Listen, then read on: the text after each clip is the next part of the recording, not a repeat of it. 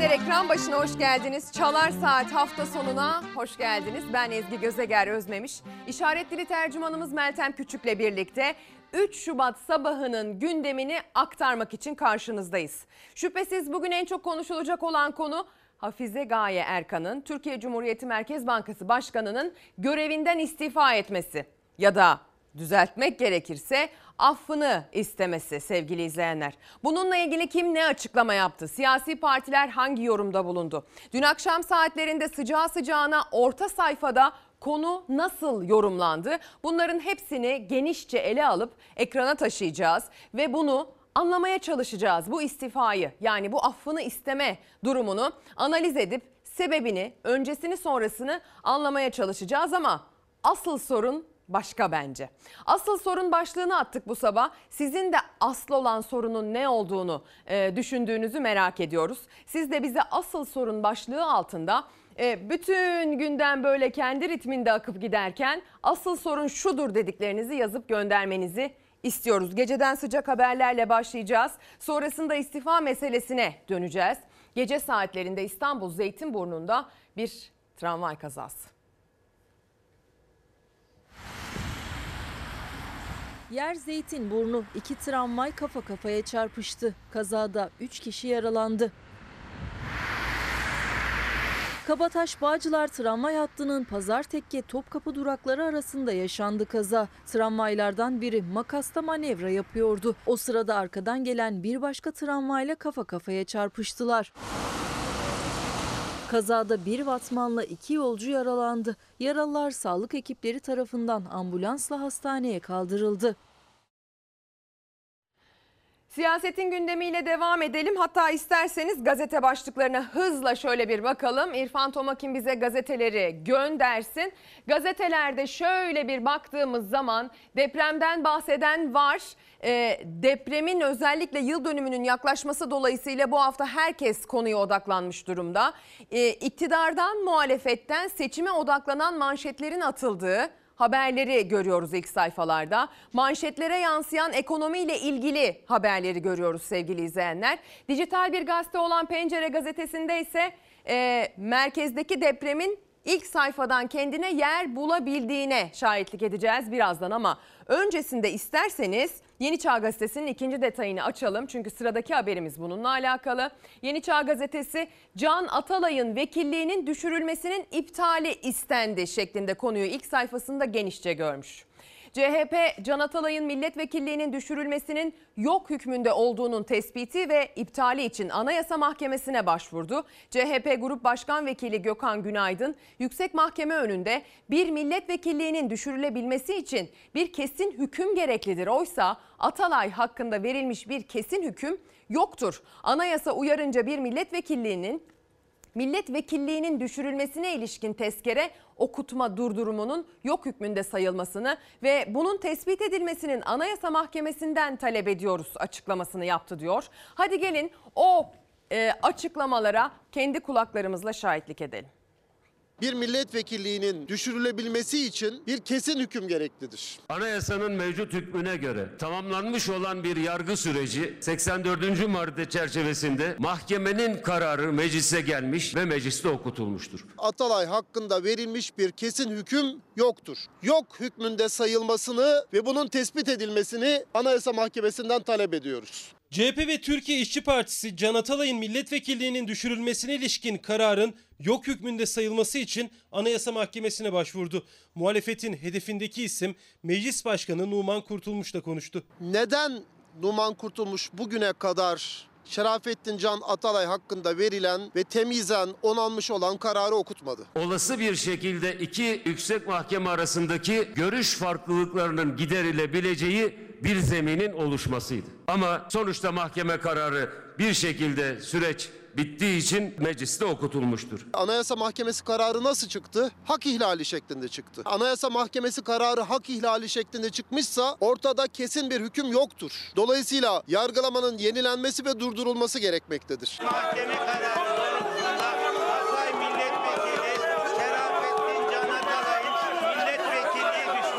Anayasa Mahkemesi'nin iki kez verdiği hak ihlali kararlarına yerel mahkemede Yargıtay 3. Ceza Dairesi de uymadı.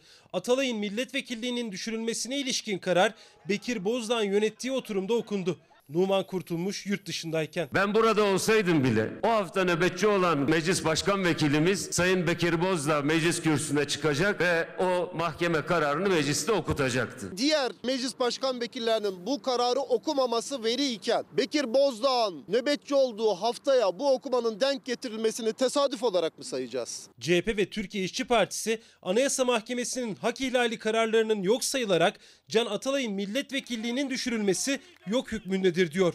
Bir kez daha Anayasa Mahkemesi'nin kapısını çaldılar. Gözler yeniden yüksek mahkemeye çevrildi.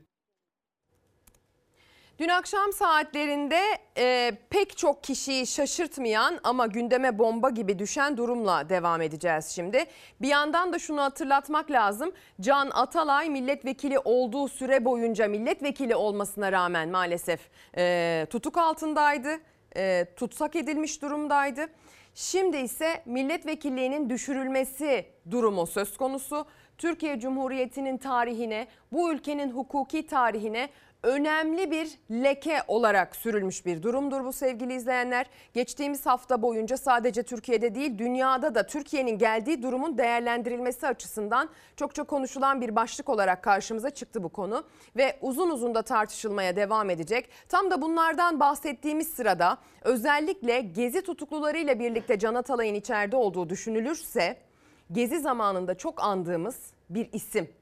Palalı diye kod edilmiş. Çünkü palasıyla gezi eylemcilerine saldırmasının görüntüleri medyaya yansımış kişi ee, öldürüldü. Bir saldırıda öldürüldü. O saldırıya kurban gitti. Hatırlayın o zamanlar kendisi e, esnaf da e, kendi işini gücünü korumak zorunda diye belirli bir kesim tarafından neredeyse alkışlanmıştı. Ve aslında elinde palayla saldırıyor olmasına rağmen hiç kimse onu hapse almamıştı. Hiç kimse onu tutuklamamıştı. Hakkında uzun uzun hukuki bir tartışma bile yapılmamıştı. Ama şu anda içeride pek çok gezi tutuklusu var. Milletvekili olmasına rağmen Can Atalay da içeride. Düşürülme, düşürülmesine kadar tabii ki. Onlar içeride Palalı dışarıdaydı. Bakın e, bugün Pencere Gazetesi'nin ilk sayfasında yer aldı. Gezi sürecinde elindeki palayla eylemcilere saldıran Palalı Sabri olarak bilinen Sabri Çelebi Beyoğlu'nda öldürüldü. Sabri Çelebi o eylemin ardından kadın cina ticareti yapmaktan da yargılandı. Fakat cezaevinde çok kalmadı.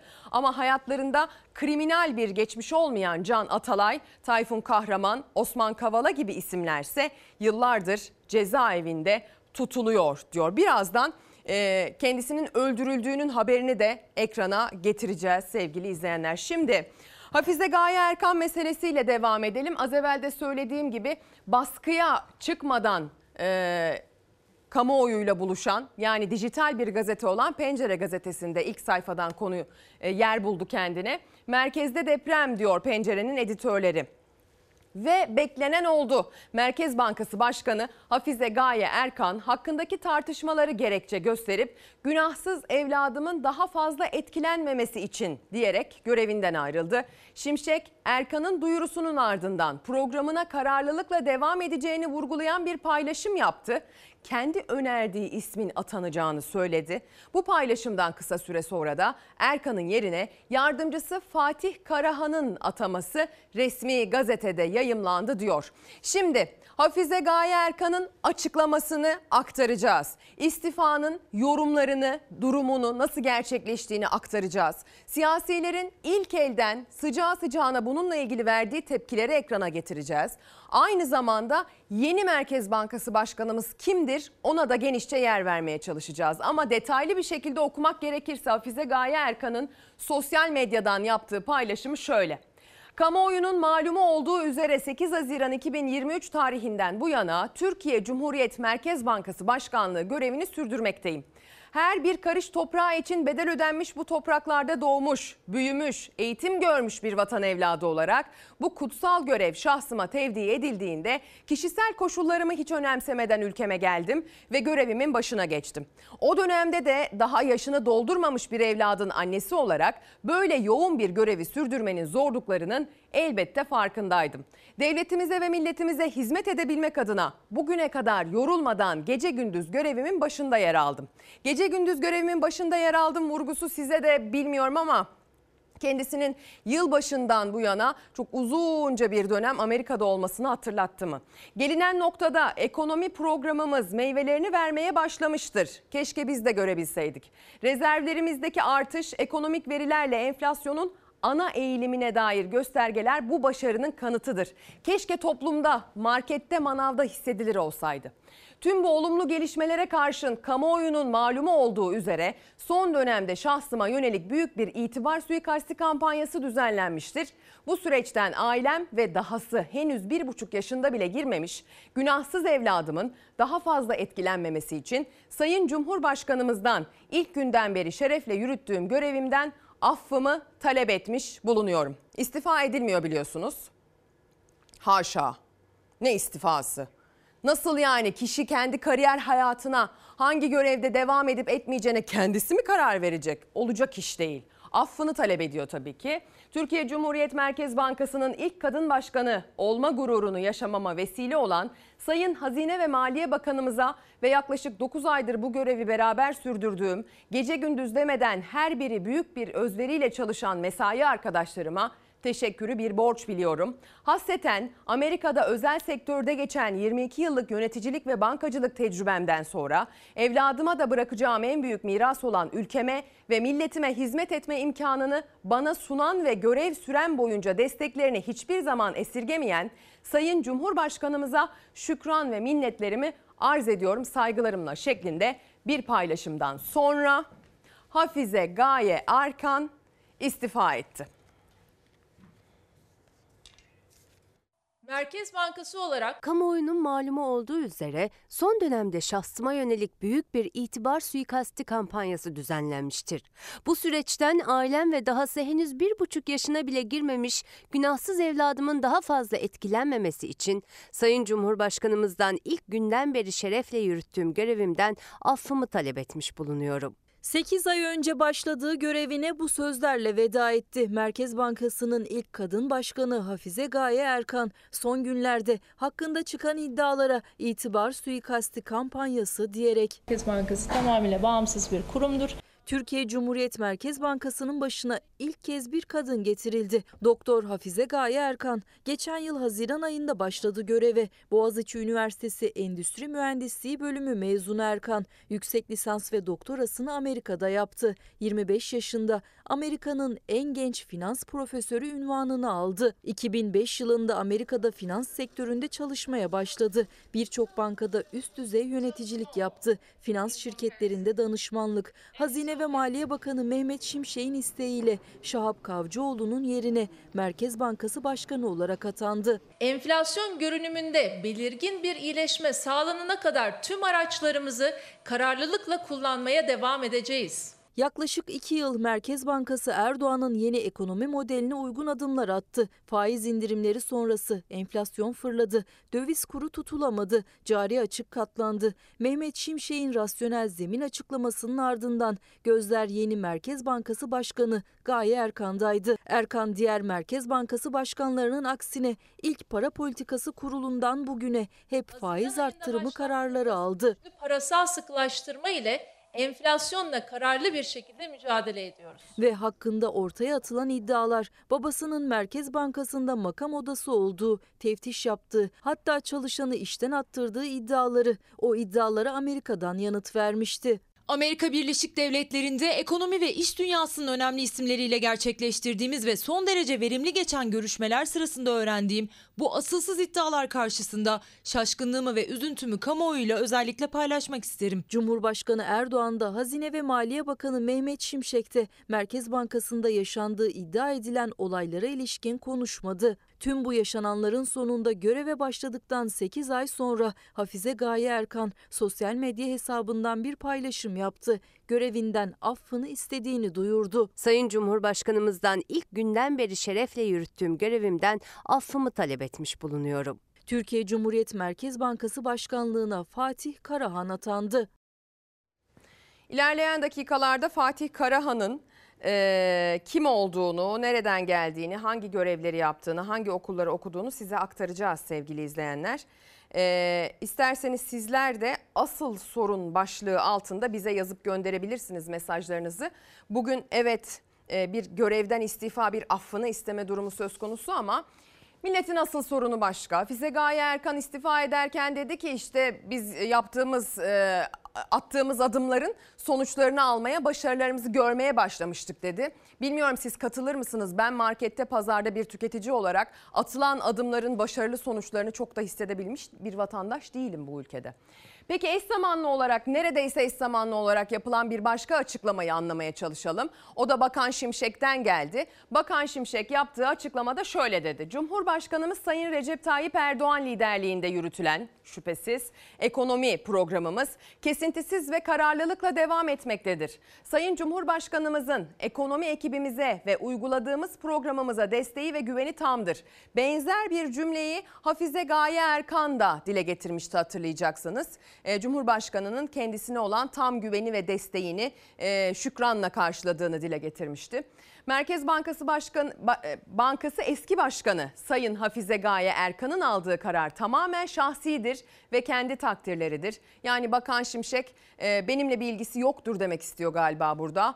Aldığı bu kararı saygıyla karşılıyor ve ülkemize sunduğu kıymetli hizmet ve katkılarından dolayı teşekkür ediyorum. Önerim doğrultusunda yeni atanacak Türkiye Cumhuriyet Merkez Bankası Başkanı ve ekibine başarılar diliyorum. Bu çerçevede ekip olarak güçlü işbirliği ve koordinasyon içinde fiyat istikrarı hedefimize emin adımlarla ilerlemeye devam edeceğiz. Kamuoyuna saygıyla duyur- duyurulur. Hazine ve Maliye Bakanı Mehmet Şimşek. Peki siyasi partilerden konuyla ilgili ilk yorum, ilk tepki ne oldu? Dün akşam orta sayfada da konu masaya yatırıldı. Bakın nasıl yorumlandı Hafize Gaye Erkan'ın affını istemesi. Merkez Bankası tamamıyla bağımsız bir kurumdur. Ekonomi programımız kararlılıkla devam etmektedir. Merkez Bankası eski başkanı Sayın Hafize Gaye Erkan'ın aldığı karar tamamen şahsidir ve kendi takdirleridir. Aldığı bu kararı saygıyla karşılıyor ve ülkemize sunduğu kıymetli hizmet ve katkılarından dolayı teşekkür ediyorum. Hafize Gaye Erkan'ın Merkez Bankası Başkanlığından ayrıldığını açıklamasının ardından ilk açıklama yapanlardan biri Hazine ve Maliye Bakanı Mehmet Şimşek. Şimşek aldığı karar tamamen şahsidir ve kendi takdirleridir dedi. Hazine ve Maliye Bakanlığı'nın sosyal medya hesabından Şimşek imzasıyla yayınlandı mesaj. Tıpkı Hafize Gaye Erkan'da olduğu gibi Merkez Bankası'nın başına gelen yeni isim içinde önerim doğrultusunda vurgusunu yaptı Şimşek. Önerim doğrultusunda yeni atanacak Türkiye Cumhuriyet Merkez Bankası Başkanı ve ekibine başarılar diliyorum. Cumhurbaşkanı Yardımcısı Cevdet Yılmaz da sosyal medyadan teşekkür etti Erkan'a. Ekonomi Koordinasyon Kurulu başta olmak üzere katıldığı çalışmalarda yaptığı katkıları takdirle hatırlayacağız. Sayın Cumhurbaşkanımız tarafından güçlü bir siyasi sahiplenmeyle bizzat açıklanan orta vadeli programımız kararlı bir şekilde uygulamaya devam edecektir. Muhalefetten de tepkiler gecikmedi. CHP'nin Hazine ve Maliye Bakanlığı'ndan sorumlu Genel Başkan Yardımcısı Yalçın Karatepe, Merkez Bankası Başkanı Hafize Gaye Erkan'ın istifa etmesi sürpriz değil. Erdoğan güçlü bir biçimde sahip çıkmamıştı. Gideceği belliydi dedi. Aslında bu istifa sürpriz bir gelişme değildi. Son zamanlarda başkan hakkında kamuoyuna yansıyan gelişmeler dikkate alındığında başkanın istifa edeceği bekleniyordu. Başkan hakkındaki konular gündeme geldiğinde Cumhurbaşkanı Erdoğan'ın Hafize Gaye Erkan'a güçlü bir biçimde sahip çıkmamış olması Erkan'ın görev süresinin sonuna yaklaştığının bir işareti olarak yorumlanmıştı. CHP Genel Başkan Yardımcısı Özgür Karabat, istifanın sebebi enflasyon hedefinin tutmayacak olmasıdır dedi. İyi Parti sözcüsü Kürşat Zorluysa bu yanlış sürecin sorumluları hesap vermek zorundadır. Zira asıl zarar gören milletimiz olmuştur dedi. İşte partilerden gelen tepkiler bu şekildeydi sevgili izleyenler. İlerleyen dakikalarda e, yeni Merkez Bankası Başkanı'nın Fatih Karahan'ın kim olduğu, hangi eğitim süreçlerinden geçtiği, özel sektörde hangi firmada ne kadar uzun süre hangi görevde çalıştığı bunların hepsi konuşulacak. Aslında Hafize Gaye'nin Gaye Erkan'ın istifasının hemen ardından konuşulan isimler başkaydı. Ee, Cevdet Akçay konuşuluyordu. Hatice Karahan konuşuluyordu sevgili izleyenler. Eğer biri olursa diğeri istifa eder mi soruları soruluyordu. Bunlar tabii ki sadece kulis bilgilerdi. Ee, sonrasında çok vakit geçmeden e, hemen yeni ismin kim olduğu açıklandı. Merkez Bankası Başkanımızın hatta resmi gazetede yayımlandı. Tabii bir de bir başka bilgi aktarmamız lazım. Biliyorsunuz bekleniyordu. Ee, mecliste 25 Ocak'ta kabul edilen emekliye ek zam ve en düşük emekli maaşının 10 bin liraya çıkarılması meselesi ne zaman ne zaman ne zaman dün gece resmi gazetede yayımlandı. Ne kadar maaş alıyoruz? Şu an 10 bin. Nerelere gidiyor diyeceğim size. Kiraya sor- gidiyor, aidat'a gidiyor bitti. Nasıl geçiniyorsun?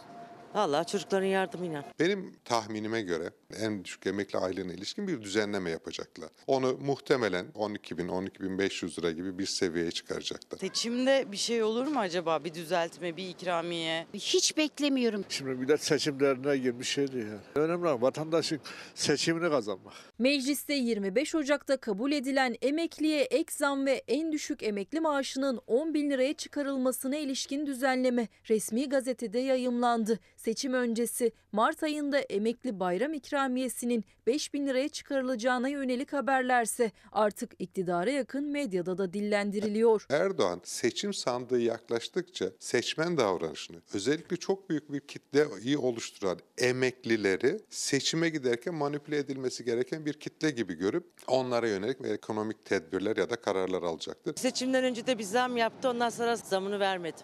Seçimden önce yapar mı? Yapar tekrar vermez. Seçimden önce yaparsa Temmuz'da kesin vermez. Daha önce yaşadık çünkü. Hep vaatler zaten. Vaatlere inanmıyoruz. Cebimize girene bakarız biz. İnsanların cebi boş, midesi boş. Vaat istemiyoruz. Yeter. 2024'ü emekliler yılı olarak ilan ediyoruz. 2024 yılı emeklilerin yılı ilan edildi ama milyonlarca emekli geçim derdiyle boğuşuyor. Yaklaşık 8 milyon emeklinin maaşına sadece %33 zam yapıldı. 10 bin liraya yükseltildi. Muhalefetin asgari ücret seviyesine çıkarılsın önergeleri AK Parti ve MHP tarafından reddedildi. Ama iktidarın tam da seçim öncesi Mart ayında en düşük emekli maaşında bir artış yapacağı konuşuluyor.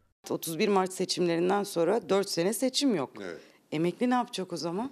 İşte sorun burada. Bundan sonra 4 yıl ne olacak? Yani bu gaddar iktidarla bu zavallı halkı baş başa bırakacağız. Şu anda 3400 lira eksiye girdim. Maaşı dün aldım ben. Kardeşimden yardım istedim. Çocuğumun şurada e, Kızılay'da dershaneye taksidini vereceğim. Böyle yaşıyoruz artık. Yani o kadar biz zor durumdayız ki ha işte aldığımız iki tane yumurta bir ekmek 200 lira. Yani buna ne para dayanır ne pul dayanır. Mayıs seçimi öncesinde 5 bin liralık en düşük emekli maaşını 7500 liraya yükseltmiş. Temmuz'da yeni bir artış yapmamıştı iktidar. 31 Mart seçimi öncesinde de en düşük emekli maaşına ek zam yapılacağı bir iddia. İkinci iddia ise Nisan ayında ödenecek emekli ikramiyesinin Mart'ta seçim öncesine çekilmesi ve bir defaya mahsus 5 bin lira olarak ödenmesi. Bir seçim öncesinde bayram ikramiyesi şeklinde bir defalık bir şey söylenilebilir. Ama bunlar emeklinin sorununu çözmüyor. Açlık sınırının yarısına düşmüş bugün emekli maaşları. Kalıcı olarak emekli maaşlarının iyileştirilmesi lazım. Kalıcı olarak iyileştirme lazım ve emekliye verilen zammın da böyle taksit taksit veriliyor olması işte kamuoyu araştırmalarından sonra belki de adayların sokakta aldığı tepkilerden sonra hadi biraz daha, hadi biraz daha, hadi biraz daha şeklinde gıdım gıdım veriliyor olması aslında çok can yakıcı. Çok gurur kırıcı ve galiba bunun farkında değiller. Hani yaşam koşullarınızla, insanca yaşamanızla ne kadar ilgililer soru işareti. Bununla ilgili kaygıları var mı? Muhalefet, iktidar, tüm siyasilerden bahsediyorum. Ee, soru işareti. Bir de tabii ki karşı tarafın gururunu, haysiyetini de düşünüyor olmak lazım. Belli ki bununla ilgili de bir kaygıları yok gibi. Dün itibariyle CHP'deki aday e, krizi, aday süreci, bununla ilgili tartışmalı e, dönem sona erdi diyebiliriz aslında. CHP 103 adayını daha açıkladı sevgili izleyenler. Keçiören'de aday Mansur Yavaş'ın danışmanı oldu. Bazı adaylar belirlenmişti. Onlarda da değişiklik yaşandı. Çiğli onlardan bir tanesi oldu. İsterseniz seçim siyasetle devam edelim. Yani siyasetin seçim gündemiyle devam edelim. Ama vatandaşın asıl gündeminin geçim olduğunu da hatırlatalım. Biz şimdi asıl olan başlığını attık. Bakın neler göndermişsiniz siz o başlıklara. Seçim zamanı hatırlayan iktidar geçim zamanı o da iktidarı unutmalı diyor Murat Bey gönderdiği mesajda. Asıl sorun 5 yılda 6. Merkez Bankası Başkanı'nın göreve getirilmesi deniyor. Ee, bu Şahap Kavcıoğlu daha kısa süre kalmıştı hatırlayacaksınız. Yanlış hatırlamıyorsam kendisi 4 ay kadar görevde kalmıştı. Ee, hanımefendi Hafize Gaye Erkan onu biraz daha geçti. Hani ondan 3-4 önceye baktığınızda 4 yıl, 5 yıl, 6 yıl gibi süreler görüyorsunuz. Hani e, bir istikrar görüyorsunuz. Şa Heh, 2 yıl 2 ay mıymış? Naci Ağbal 4 ay. Doğru. Yönetmenim İrfan Tomakin düzeltiyor. Evet Naci Ağbal 4 ay. Şahap Kavcıoğlu 2 yıldan biraz daha fazla. Ama öncesine baktığınızda 4 yıl, 5 yıl, 6 yılları görüyorsunuz. Ee, asıl sorun CHP İzmir. Tunç Soyer'e vefasızlık mesajı gelmiş. Mehmet Emin Üstü gönderiyor Instagram üzerinden. Asıl sorun pahalılık, pahalılık, pahalılık. Eşim emekli 67 yaşında şu an ek iş yapıyor. Artık çalışamıyorum, işi bırakmak istiyorum dediği gün sabaha kadar yatabildik. Ee, yatamadık. Bir emekli maaşıyla nasıl geçineceğiz diye düşünmekten. Yazıktır bir emekli maaşımız en az 25 bin lira olması gerekir diye yazmış, yollamış. Bu yönetimde göreve getirilenlerin görevi ekonomiyi düzeltmek değil, halkı talan düzeyine çıkarmak. Tam anlayamadım Fettah Bey. Bir daha gönderin okuyacağım. Hayırlı sabahlar iyi yayınlar. Asıl sorun TÜİK'e olan güvensizlik. Çarşı pazarla açıklanan rakamlar çok farklı mesajını da Nabi Bey gönderiyor. Sonrasında da e, biz de seçim gündemini görmek zorunda olduğumuz ölçüde görüyoruz. Bakın e, Sözcü Gazetesi de ilk sayfadan söylemiş. CHP 103 aday daha açıkladı diye. Kritik ilçelerle ilgili karar sonraya kaldı. Bodrum'da Tamer Mandalinci, Marmaris'te Acar Ünlü belediye başkan adayı gösterildi. CHP Parti Meclisi dün 103 belediye başkan adayını belirledi. İyi Parti'den CHP'ye geçen isimler Ankara Altındağ, Çamlıdere ve Keçiören'den aday yapıldı. İzmir Çiğli adayı değiştirildi denmiş. Adaylıkla ilgili sadece muhalefet cephesinde değil, iktidar cephesinde de bir takım çekişmeler ve pazarlıklar sürüyor sevgili izleyenler. Özellikle yeniden Refah Partisi ile AK Parti arasındaki pazarlık sürecinde galiba yine bir pürüz çıktı. Ee, Erbakan pazartesiye ertelemişti bir takım aday açıklama e, tarihini tekrar öne çekti. Bakalım aday açıklayacaklar mı? Birbirlerini destekleyecekler mi?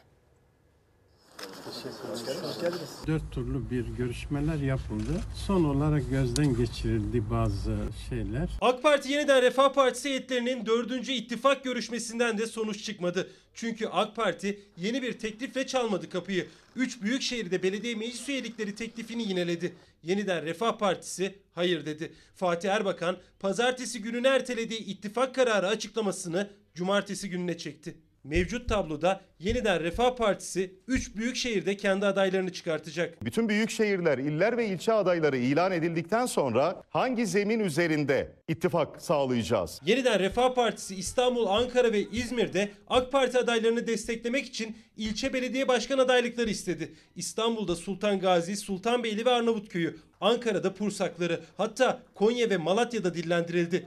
AK Parti o büyük şehir ve ilçelerdeki adaylarını geri çekmedi. İstanbul, Ankara, İzmir'de bizi destekleyin. Sadece meclis üyeliği vermekle biz sizi desteklemeyiz. Çok net. Bu kadar. Bizi ikna etmezlerse bizim zaten ittifaka girmek gibi bir rüyamız yok. Cumhur İttifakı milletvekili veya belediye başkanlığı paylaşımı pazarlığı için değil. 13 bin oy farkla İstanbul kaybedildi. Yeniden Refah Partisi'nin potansiyeli son derece önemli. Fatih Erbakan ittifak ve aday açıklaması için 2 Şubat tarihini belirlemişti ama AK Parti bir görüşme daha istedi. Yeniden Refah Partisi Genel Merkezi'nde yapılan zirvede AK Parti belediye meclis üyeliği teklifini tekrar edince işbirliği kapıları kapandı. İstanbul, Ankara, İzmir'den aday çıkartacak mısınız? Bununla ilgili son sözü genel başkanımız söyleyecek. Yetkili kurullarımız ve teşkilatlarımızla son derece kapsamlı istişareler ve müzakereler sonucunda herhangi bir ittifaka dahil olmadan müstakil olarak girme kararı almış bulunuyorum. Mayıs seçim öncesi de Cumhur İttifakı'nda yer almayacaklarını, Cumhurbaşkanı Erdoğan'ı desteklemeyeceklerini açıklamıştı Fatih Erbakan. Ama aynı gün Erdoğan'ın davetiyle yapılan görüşmeden sonra karar değiştirdi. Cumhurbaşkanlığı seçiminde yeniden Refah Partisi Erdoğan'ı destekledi. Fatih Erbakan'ın AK Parti ile yerel seçim işbirliği yapılmayacağını açıklaması bekleniyor. Ama Mayıs seçim öncesi olduğu gibi Cumhurbaşkanı Erdoğan'la olası bir görüşmede karar değiştirir mi bilinmiyor. İşte CHP'nin halini görüyorsunuz. Herkes bir köşe başına yapışmanın derdinde. Ne ülkenin hali ne şehirlerimizin durumu umurlarında değil. Daha düne kadar ittifak içinde oldukları partileri bile gözleri görmüyor, çiğneyip geçiyorlar. Cumhurbaşkanı Erdoğan yeniden Refah Partisi ile işbirliği konusuna girmedi ama muhalefete hedef aldı. CHP Parti Meclisi de aralarında Ankara ve İstanbul'un ilçelerinin de bulunduğu adayları belirlemek için toplandı. Daha önce açıklanan bazı İzmir ilçe adayları da tekrar görüşülecek. DEM Parti ise cumartesi günü yapacağı MYK toplantısında İstanbul stratejisini belirleyecek. Aday çıkarma kararı alınırsa Başak Demirtaş'ın adaylığı kesin gibi. Başak Demirtaş'ın adaylığına kesin gözüyle bakılıyor sevgili izleyenler. Belki Başak Demirtaş'ın bu adaylığından sonra DEM Parti ile e, Cumhuriyet Halk Partisi'ni birlikte birbirini destekleyen iki parti gibi gösteren propagandasını tamamen e, bunun üzerine kuran e, Cumhuriyet Cumhur İttifakı'nda da belki bu söylemden vazgeçmeye yönelik bir durum ortaya çıkabilir. Bakalım o zaman nasıl bir yorum yapılacak? Çünkü 14-28 Mayıs seçimleri öncesinde özellikle e, Halkların Demokratik Partisi'ni o zamanki ismiyle ya da e, Yeşil Sol Parti'yi o zaman için e, terörle iltisaklandırıp teröre alan açan parti olarak yorumlayıp e, Cumhuriyet Halk Partisi'ni de teröre destek veren parti birlikte iş tutuyorlar. Kapalı kapılar kapalı kapılar ardında birlikte anlaşmalar yapıyorlar, oturup kalkıyorlar şeklinde yorumlar yapılmıştı. Hatta biliyorsunuz bir video vardı, bir Haydi videosu vardı. Montaj, kurgu olduğunu kendilerinin de itiraf ettiği Cumhur İttifakı bileşenleri tarafından. Sonrasında yerel seçim öncesindeki içinde bulunduğumuz sürece girdik. Benzer bir politikayı sürdüreceklerini söylemlerinden anlamak zor olmadı. Yine aynı şekilde Cumhuriyet Halk Partisi'ni terörle ilişkilendirmek, aynı zamanda iki partiyi kapalı kapılar ardında anlaşma yapıyorlar diye seçmen gözünde mimlemek e, gibi bir politika vardı karşı tarafta. Bakalım İstanbul için DEM Parti Başak Demirtaş'ı beklendiği gibi aday gösterirse ne olacak? Bunu da merakla bekliyorum. Şimdi sizi Aydın Söke'ye doğru götüreceğim. Bir motosiklet kazası, kaza sonrasında bir de yangın.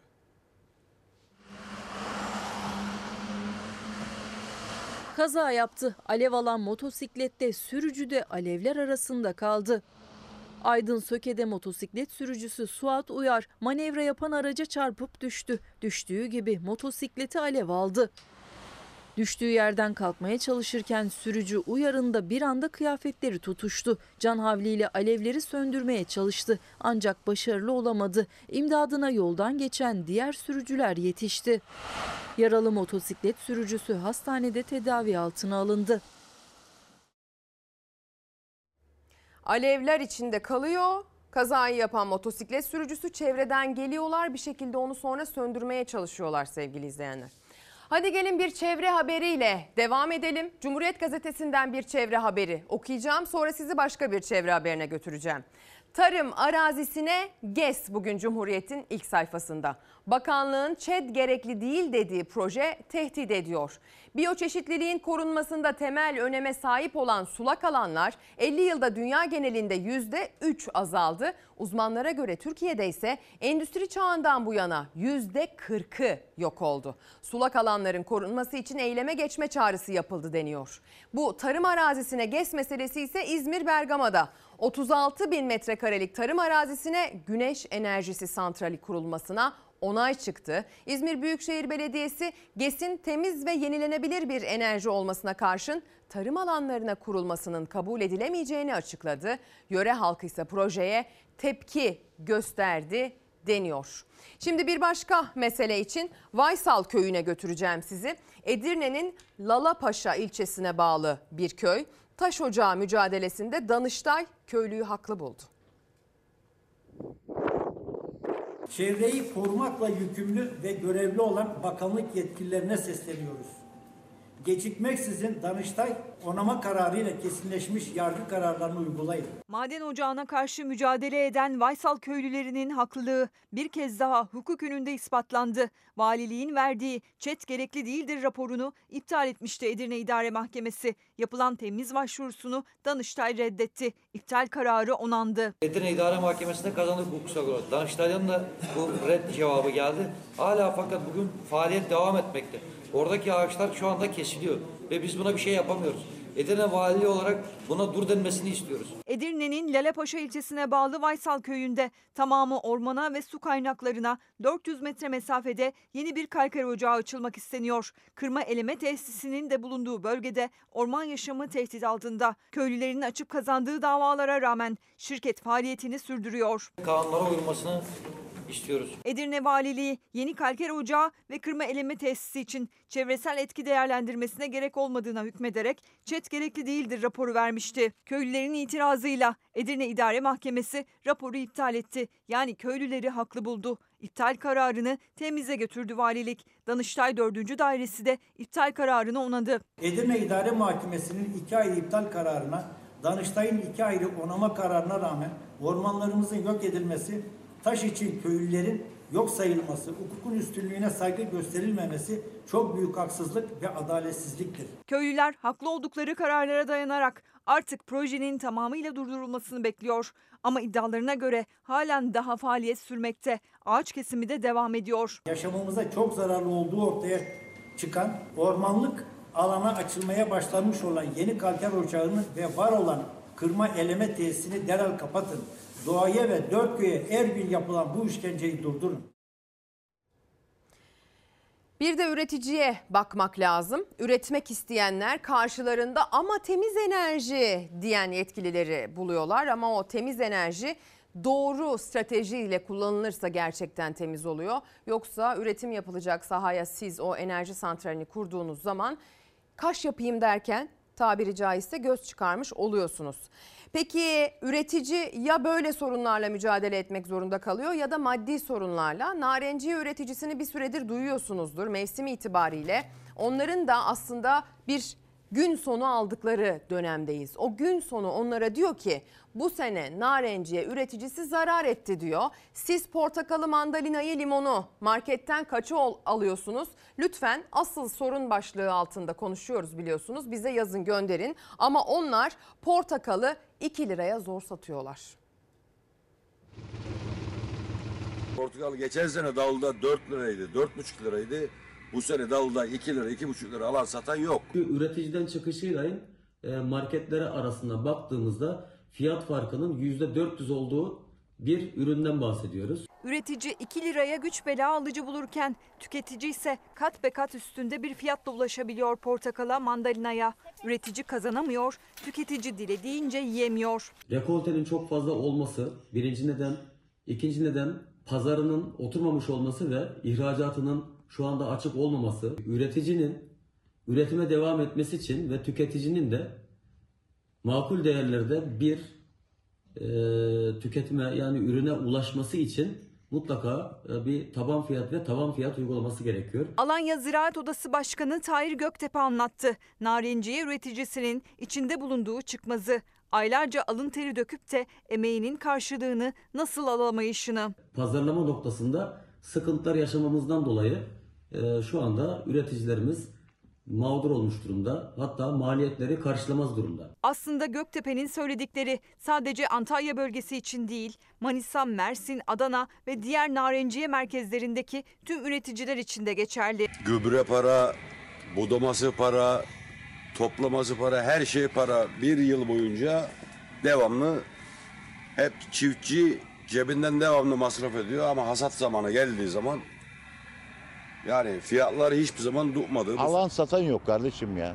Maliyetini bile kurtaramadı bu sene. Portakal ve mandalina üreten. Hasat zamanı geldiğinde geçen sene bile 4-4,5 liraya alıcı bulabiliyorken bu sene 2 liraya kadar düştü biçilen fiyat. Rekoltede fazla olunca portakalın mandalinanın çoğu dalda kaldı. İyi portakal 2 lira, kötü portakal 90 kuruş. Bahçe fiyatları ile market fiyatları arasında ise uçurum var adeta. Üreticinin 2 liraya zar zor sattığı ürün pazarda markette katlanıyor. Bizler e, bu noktada üreticilerimize yani bahçeyi bozmalarını tavsiye edemeyiz. Bahçelerimiz yerinde kalması lazım. Ancak devlet yetkililerimiz bizim öncelikle pazarımızı garanti etmeleri lazım. Narenciye üreticisi gelecek senelerden umutsuz hatta bahçelerden kesim haberleri geliyor ama aslında sorun çözülemeyecek bir sorun değil. Devlet çözmek isterse tabii. Öncelikle istediğimiz pazar sorununun ortadan e, kalkması. Diğer bir husus da e, üreticiyi koruyacak şekilde bir taban fiyat uygulaması olması lazım. Maliyetlerin altında kalmayacak şekilde. Mesajlar geliyor üreticilerden. Menderes Bilgiç onlardan bir tanesi. Süt üretici- üreticisiyim. Yem fiyatları her hafta zamlanıyor. Nasıl oluyor biz anlamadık. Yazık değil mi diye bize yazmış göndermiş. Asıl sorunun bu olduğunu düşünen bir üretici izleyenimiz. Asıl sorun cehalet diyen bir diğer izleyenimiz ise Ruhi Becenek. Benim sözlerim bilimle çelişirse bilimi seçin demişti Atatürk. Dinlemedik bilim insanlarını. İşini doğru düzgün yapmayan inşaatçılar, kontrol etmeyen sorumlular eliyle işlenmiş toplu katliamdı oysa bu. Biz buna doğal afet dedik. Deprem oldu. Karadan ulaşılamadık, yollar paramparçaydı. Havadan gidemedik, havaalanı fay hattına yapılmış pist yok. Yaralı kurtulanlar hastaneye gidemedi, hastaneler yıkılmış. Biz buna kader dedik. Acı duyabiliyorsan canlısın, başkalarının acısını duyabiliyorsan insansın demişti Tolstoy. Biz o acıyı yaşadık ama yetmedi. O acıyı yaşamayanlara şahit olduk. Korkuyu, endişeyi, acıyı, çaresizliği, kurtulanlara sevinmeyi, kurtaranlara minneti, çaresizliği, hakaretleri, nefreti, haksızlığı, yine çaresizliği ve hep acıyı yaşadık diyor gönderdiği mesajda. Olan oldu giden gitti bir yıl geçti. Kalanlar ne halde görüyoruz, ne olacağını bilmiyoruz. Sussam gönül razı değil, söylesem başka dert. Asıl sorun tek bir maddede özetlenemeyecek kadar çok diyor. Bir başka izleyenimiz de benzer bir mesaj göndermişti. Asıl sorunun ne olduğunu anlatmaya kalksak bu sayfa yetmez diye doğru söylüyor. Ben sizi şimdi Muş'a götüreceğim. Hemzemin geçitte bir tren kazası yaşandı. Büyükbaş hayvan yüklü tırla tren çarpıştı. Boğa yüklüydü tır. Hemzemin geçitten geçerken yolcu treni çarptı. Tırdaki iki kişi öldü, iki kişi yaralandı. 25 boğada telef oldu. Muş'ta şeker fabrikası karşısındaki Hemzemin geçitte öğle saatlerinde yaşandı kaza. Emrah Sarsıcı köyden tıra yüklediği boğaları kantara tartmak için Muş'a götürüyordu. Hemzemin geçitten geçmek isterken Elazığ Tatvan seferini yapan yolcu treni tıra çarptı. Kazada 21 yaşındaki Yusuf Tan'la 29 yaşındaki Cahit Arar hayatını kaybetti. Sürücü Emrah Sarsıcı ile Ahmet Arar yaralandı. Tırdaki boğalardan 25'i ise telef oldu. Kırıkkale'de de yük treni devrildi. Ankara Kırıkkale demiryolu hattındaki üst geçidin istinat duvarı yıkılarak rayların üzerine düştü. Asfalt malzemesi taşıyan yük treni raylara düşen beton parçalarına çarptı. Tren 3 vagonu raydan çıkarak devrildi. Kazada makinist ve yardımcısı yaralandı. Yaralılar kendi imkanlarıyla hastaneye gitti. Mesajlar geliyor. Sırtımızda onlarca kilo çanta, yıllardır dağlardayız. Polis, özel harekat ve askerleriz. Artık dağlarda yorulduk, emekli olmak istiyoruz. Fakat askerlik borçlanmamız bizleri işçi, esnaf ve çiftçilerde olduğu gibi EYT'li yapmadığı için emekli olamıyoruz mesajı gelmiş. İsmi tabii ki Rumuzlu. Devam ediyoruz. Paraşüt e, keyfiyle devam edeceğiz. Biraz da keyifli haber verelim. Bu keyfi kim sürüyor? Hasan Bey, Hasan Kaval. Paraşütle havada, gökyüzünde süzülürken kahvaltı. Siz şimdi masada yapıyorsunuz, evde falan yapıyorsunuz belki iş yerinizde ama yapan havada yapıyor.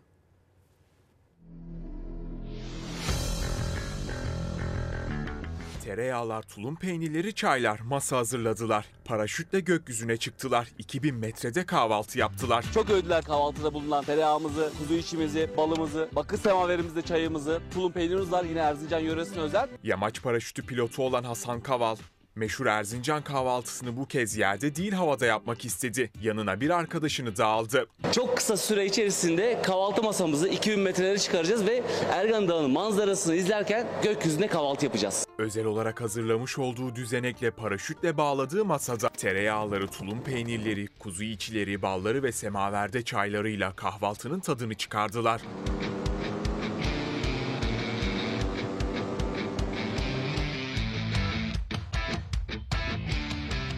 2000 metre yükseklikte kahvaltıyı da kamerayla kaydetti Hasan Kaval. O anları sosyal medya hesabı üzerinden paylaştı. Paylaşımı büyük beğeni topladı.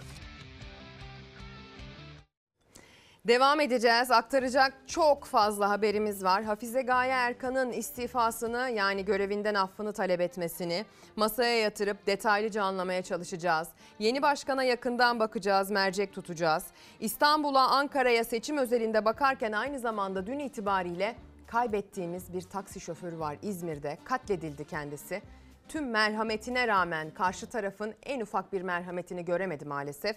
Bundan genişçe bahsedeceğiz. Hangi noktaya geldiğimizi Ozan Gündoğdu ile tartışacağız ama önce bir mola verelim.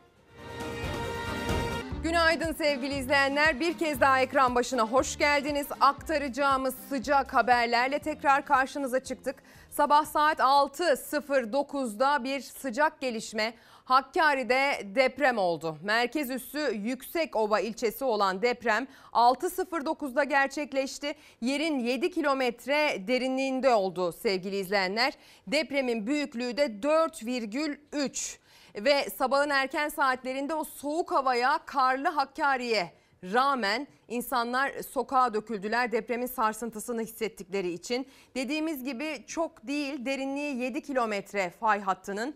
İlçede paniğe sebep olan deprem tek tük de olsa vatandaşın sokağa çıkmasına sebep oldu. Birazdan galiba vatandaşlardan e, ilk yorumlarını alma fırsatımız da olacak. Hakkari'nin yanı sıra çevre il ve ilçelerde de hissedildi sarsıntı.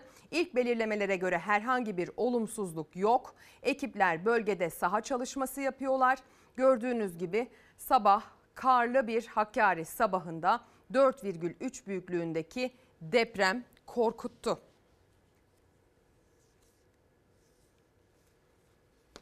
Günün tabii ki bir başka ve çok konuşulacak sıcak gelişmesi Hafize Gaye Erkan'ın istifa etmesi. Reklam arasında gördüm Ozan Gündoğdu Fox Haber ekonomi ve siyaset yorumcusu kanala giriş yaptı. Kendisiyle de bu konuyu e, genişçe masaya yatırıp tartışmak niyetindeyiz. Dün akşam saatlerinde konu orta sayfada da e, genişçe tartışıldı. Konuyla ilgili kulis bilgileri masaya yatırıldı. Bir de tabii ki yeni isim sıcağı sıcağına hemen jet hızıyla e, resmi gazetede yayımlanmak e, suretiyle netleşti Fatih Karahan ismi. Türkiye Cumhuriyeti'nin Merkez Bankası'nın yeni başkanı bu isim. Hepsine teker teker bakacağız. Önce Erkan'ın istifasıyla başlayalım. Merkez Bankası olarak kamuoyunun malumu olduğu üzere son dönemde şahsıma yönelik büyük bir itibar suikasti kampanyası düzenlenmiştir. Bu süreçten ailem ve dahası henüz bir buçuk yaşına bile girmemiş günahsız evladımın daha fazla etkilenmemesi için Sayın Cumhurbaşkanımızdan ilk günden beri şerefle yürüttüğüm görevimden affımı talep etmiş bulunuyorum. 8 ay önce başladığı görevine bu sözlerle veda etti. Merkez Bankası'nın ilk kadın başkanı Hafize Gaye Erkan son günlerde hakkında çıkan iddialara itibar suikasti kampanyası diyerek Merkez Bankası tamamıyla bağımsız bir kurumdur.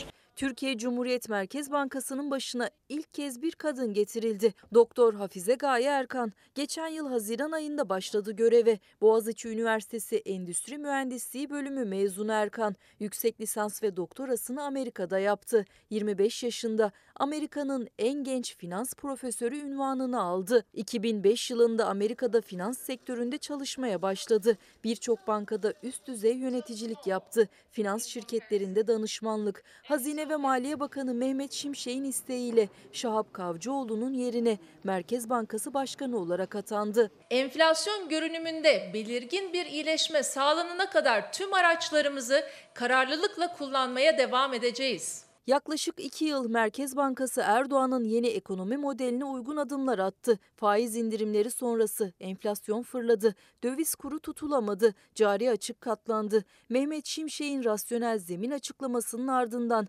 gözler yeni Merkez Bankası Başkanı Gaye Erkan'daydı. Erkan diğer Merkez Bankası başkanlarının aksine ilk para politikası kurulundan bugüne hep faiz arttırımı kararları aldı. parasal sıkılaştırma ile enflasyonla kararlı bir şekilde mücadele ediyoruz. ve hakkında ortaya atılan iddialar babasının Merkez Bankası'nda makam odası olduğu, teftiş yaptığı, hatta çalışanı işten attırdığı iddiaları o iddialara Amerika'dan yanıt vermişti.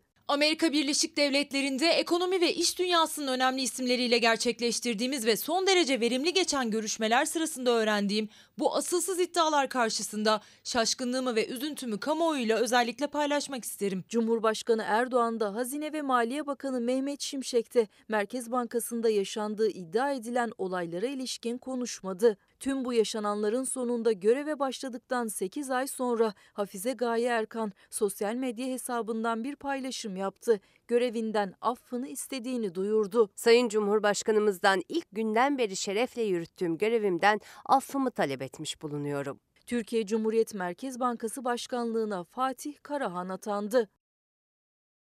Atandı, jet hızıyla atandı sevgili izleyenler. Hemen yayınlandı e, Milli e, Gazete'de. Dün akşam e, resmi gazetede. Dün akşam saatlerinde ise orta sayfada Merkez Bankası'ndaki değişiklik tabii ki sıcağı sıcağına masaya yatırıldı. Haber Genel Yayın Yönetmenimiz Doğan Şentürk'ün moderatörlüğündeki orta sayfada geçtiğimiz dönemde Merkez Bankası ile ilgili Hafize Gaye Erkan'la ilgili babası ile ilgili iddialar da tabii ki konuşuldu. Biliyorsunuz Büşra isimli Büşra Bozkurt isimli bir çalışan Merkez Bankası çalışanı CİMER'e şikayette bulunmuş. Bu şikayette babanın kendisini işten attığını dile getirmişti. Babasının hatta Merkez Bankası'nda e, bir odası olduğu konuyla ilgili yani Merkez Bankası'nın ülkenin para politikasının işlerliğiyle ilgili toplantılar dahi yaptığı konuya dahil olduğu da e, iddia edilmiş öne sürülmüştü. Aile bu iddiaları e, yalanlamıştı. Sonrasında tabii ki bu kadar çok konuşulunca bu konu CİMER'e yapılan böylesine bir başvuru dahi basına nasıl yansıyor sorusu sorulduktan sonra Hafize Gaye Erkan'ın görevinden affını istemesi çok da şaşırtıcı olmadı. Dün akşam orta sayfada birbirinden deneyimli gazeteciler bakın konuyu nasıl yorumladı. Alındı mı? Affını mı istedi? Orada da kulislerden gelen bilgiler var söz sende. Yani affını istedi, e, istifa etti anlamında Yani kullanılıyor. hükümet jargonuyla, e, iktidar Evet, jargonuyla yani affını istedi diyoruz ya Uzun istifaya. uzun evet. zamandır şey yapıyor ama bence istifa etti. Etmeye zorlandı zaten. Size çok e, dürüstçe soruyorum. Beş kişiyiz. Kaçımız e, Gaye Hanım'ın babasının, annesinin orada bir odada odayı kullandığını biliyorduk? Kaçımız e, Gaye Hanım'ın babasının orada bu tür şeyler yaptığını biliyorduk? Biliyor muydunuz? Ben bilmiyordum. Bu iş direkt Merkez Bankası yönetim katından sızmış bir haber. Aynen işte onu diyorum. Yani Sızdırıldı. yönetim kat- katında bunlara özel bir mutfak olduğunu kim biliyordu Allah aşkına o haber çıkana kadar? Ben duymamıştım yani. Siz duysaydınız da yaz- yazardınız herhalde Yok, ya da şey yapardınız. Ee, Dolayısıyla Ta- Tayyip Erdoğan'ın muhalefete atmaya çalıştığı suç aslında e, kendi bürokrasisinden çıktı. Kendi bürokrasisi Gaye Erkan'ı yedi, yemeye çalıştı. Kendisi de karşısında dursaydı, hayır kızım sen otur oturduğun yerde gayet iyi yapıyorsun işini deseydi, bugün Gaye Hanım şey e, görevinden affını falan istemezdi. Evet. Bence yeterince sahiplenmediler. Gaye Hanım'la ilgili ürettikleri malzemeyi Cevdet Yılmaz da dikkate aldı, Mehmet Şimşek de dikkate aldı, Tayyip Erdoğan da dikkate aldı. Cumhurbaşkanı ile benim bildiğim Hafize Gaye Erkan'ın bir görüşmesi olmamış bu süreçte. Bu bir. İkincisi e, yani kendi kaynaklarımdan aldığım bilgi. İkincisi 3-4 günlük bir süreçten bahsediyoruz. Hafta başında başlatılmış. E, Daha önce de konuşmuştuk biliyorsunuz bu program Hafize Gaye Erkan'ın programı değil. Yani Erdoğan kabinesinin programı bunun yürütülmesinden sorumlu olan da Hafize Gaye Erkan değil. Merkez Bankası Başkanı değil. Hazine ve Maliye Bakanı Mehmet Şimşek. Mehmet Şimşek'in bu bütün olaylardan işte babasının sürekli oraya gelmesinden e, personelin işine karışmasından filan çok rahatsız olduğu açık. Ama bu süreç hafta başından itibaren Mehmet Şimşek'in e, gerek Cevdet Akçay, Akçay demişim, Cevdet Yılmaz'la gerek e, Cumhurbaşkanı ile esas yaptığı bir dizi görüşme e, sonucu oluyor. Yani Mehmet Şimşek aslında istemiyor Hafize Gaye Erkan'la daha fazla çalışmak. İşin doğrusu bu. Ama işin nezaketiyle işte kendisi istifa etmiş oluyor. İşin e, işin aslı bu Doğan. Mehmet Şimşek Hafize Gaye Erkan'la çalışmak istemedi. Cumhurbaşkanı da buna ikna etti. Çünkü önemli olan e, Erdoğan için, Cumhurbaşkanı için orta vadeli programın çalışması. Bunu buna engel olacak. Bunu piyasada tereddütle bakılacak herhangi bir şey de istemiyor. Murat Yetkin'in bu kulis bilgisi aynı zamanda şununla da değerlendirilmeli. Mehmet Şimşek, e, Ekonomi Bakanı dedi ki e, Hazine ve Maliye Bakanımız e, tamamen kendi şahsi kararıdır ve buna saygı duyuyoruz dedi. Yani aslında e, alt metninde bu kararda benim dahlim yoktur e, mı demeye çalıştı acaba? Aynı zamanda benim önerdiğim isim atanacak şeklinde bir ibaresi de yine hemen Hafize Gaye Erkan'ın istifasının yani affını istemesinin hemen ardından yaptığı paylaşımda dikkat çeken bir detay olarak karşımıza çıktı. Orta sayfada konu böyle yorumlandı. Fatih Karahan kimdir peki? Fatih Karahan Hafize Gaye Erkan'la ilgili tartışmalar sürecinde de bakın çok konuşulmuştu. Bu ülkenin yetiştirdiği bir başka değer aslında. Boğaziçi Üniversitesi'nde çift ana dal yapmış bir isim. Hem matematik hem de endüstri mühendisliğini bir arada okumuş bir isim. Sonrasında 2012 yılında Pensilvanya Üniversitesi'nde ekonomi alanında yüksek lisans ve doktorasını yapıyor. Sonrasında Amerika'da kalmaya devam ediyor. New York'ta Merkez Bankası'nda çalışıyor. Orada pek çok üniversitede New York ve Columbia üniversitelerinde hocalık yapıyor sevgili izleyenler. Sonrasında da Amazon'da çalışmaya başlıyor baş ekonomist olarak. Şimdi de Merkez Bankası'nın başına getirilen bir isim. Zaten hali hazırda Merkez Bankası'nda çalışıyordu. Bakalım yakından tanıyalım Türkiye Cumhuriyeti'nin yeni Merkez Bankası Başkanı'nı. Hafize Gaye Erkan'ın görevden ayrılmasının hemen ardından resmi gazetede yayımlanan kararla yeni Merkez Bankası Başkanlığına Merkez Bankası Başkan Yardımcısı Fatih Karahan atandı. Doktor Fatih Karahan 42 yaşında 2006 yılında Boğaziçi Üniversitesi Matematik ve Endüstri Mühendisliği bölümlerinden mezun oldu. 2012 yılında Pensilvanya Üniversitesi'nde ekonomi alanında yüksek lisans ve doktorasını tamamladı. Çalışma hayatına 2012 yılında New York Merkez Bankası'nda ekonomist olarak başladı. 2022 yılına kadar aynı kurumda iş gücü ve ürün piyasası çalışmaları başkanı ve para politikası danışmanı olarak görev yaptı. Columbia Üniversitesi ve New York Üniversitesi'nde yarı zamanlı öğretim görevlisi olarak da görev yaptı Karahan. 2022'de kıdemli ekonomist olarak çalışmaya başladığı şirkette baş ekonomist görevine atandı. Karahan son olarak 28 Temmuz 2023 tarihinde Türkiye Cumhuriyet Merkez Bankası Başkan Yardımcılığı görevine getirilmişti. 3 Şubat 2024 tarihli resmi gazete kararına göre Merkez Bankası Başkanlığına atandı. Atama kararı sonrası Cumhurbaşkanı Yardımcısı Cevdet Yılmaz ve Ticaret Bakanı Ömer Bolat sosyal medya hesabından tebrik mesajları yayınladı. Durumlar böyle. Asıl sorun başlığını atmamızın sebebi de aslında bu olaydır. Asıl sorun ne? Asıl sorun sevgili izleyenler sizce bu olayda veya ülkenin genelinde gündemin tamamında sizin gündeminizde ne? Bize onu yazın gönderin diye. İzleyicilerimizden gelen mesajları reklam arasında şöyle bir tarama fırsatı buldum. Asıl sorun rejim diyen izleyicilerimiz var. Yani bir kişinin iki dudağının arasında olması böyle kararların.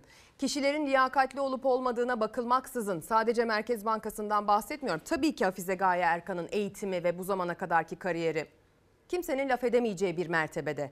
Keza yeni Merkez Bankası Başkanı'nın da öyle, Fatih Karahan'ın da öyle sevgili izleyenler ama tabii ki liyakata bakılıyor. Ee, böyle atamalar yapıldığında bu kişi birine yakın mıydı sorusu soruluyor. Mehmet Şimşek'in bu konuyla ilgili bir dahli var mıdır yok mudur sorusu bugün daha çok tartışılır. Ee, daha bu konuyla ilgili pek çok konu konuşulmaya devam eder ama asıl sorun ne ona bakmak lazım. Ee, ödünüz kopuyor. Refah Partisi AK Parti ile ittifak yapacak diye diye Ramazan Bey bir mesaj göndermiş. Vallahi beni hiç ilgilendirmiyor. O kadar ilgilendirmiyor ki yani bırakın korkmayı falan. Yani siyaset maalesef özel ilgi alanıma girmiyor sevgili izleyenler. Görevimiz sadece olanı biteni aktarmak onu söyleyelim. İzleyicilerimiz emekliler olarak e, mesaj gönderiyorlar. Bakın onlardan bir tanesi Türkiye Emekliler Grubu olarak serbest piyasa kalkmadıkça ne enflasyon düzelir ne de emekli maaşı düzelir mesajı göndermiş. İncir'in başkenti Başköy'den günaydın mesajlarınızı aldık. Çok teşekkürler. Hafize Hanım baktı ki durumlar vahim işin içinden çıkamayınca en güzeli istifa etmek dedi diyor. Lale Hanım'ın yorumu bu şekilde olmuş. Asıl sorun siyasiler diyor bir diğer izleyicimiz. Kendi bekalarını menfaatlerini ülkemizin bekasından daha yukarıda tutuyorlar. Ülkemizi karanlığa çekmek için her şeyi yapıyorlar demiş gönderdiği mesajda. Bir diğer izleyicimiz de ismini bakayım yazmış mı? Böyle mesajlar genelde pek isimle gelmez ama Mustafa Er ee, haberlerde birçok kanalda izliyoruz. CHP parti olarak DEM'le işbirliği yapmaya çalışıyor. Sen de böyle bir şey yokmuş gibi yorumlar yapıyorsun. Hayret ve şaşkınlıkla izledim kardeşim. Herkes her şeyi görüyor diyor. Şimdi bakın haberlerde birçok kanalda izliyoruz.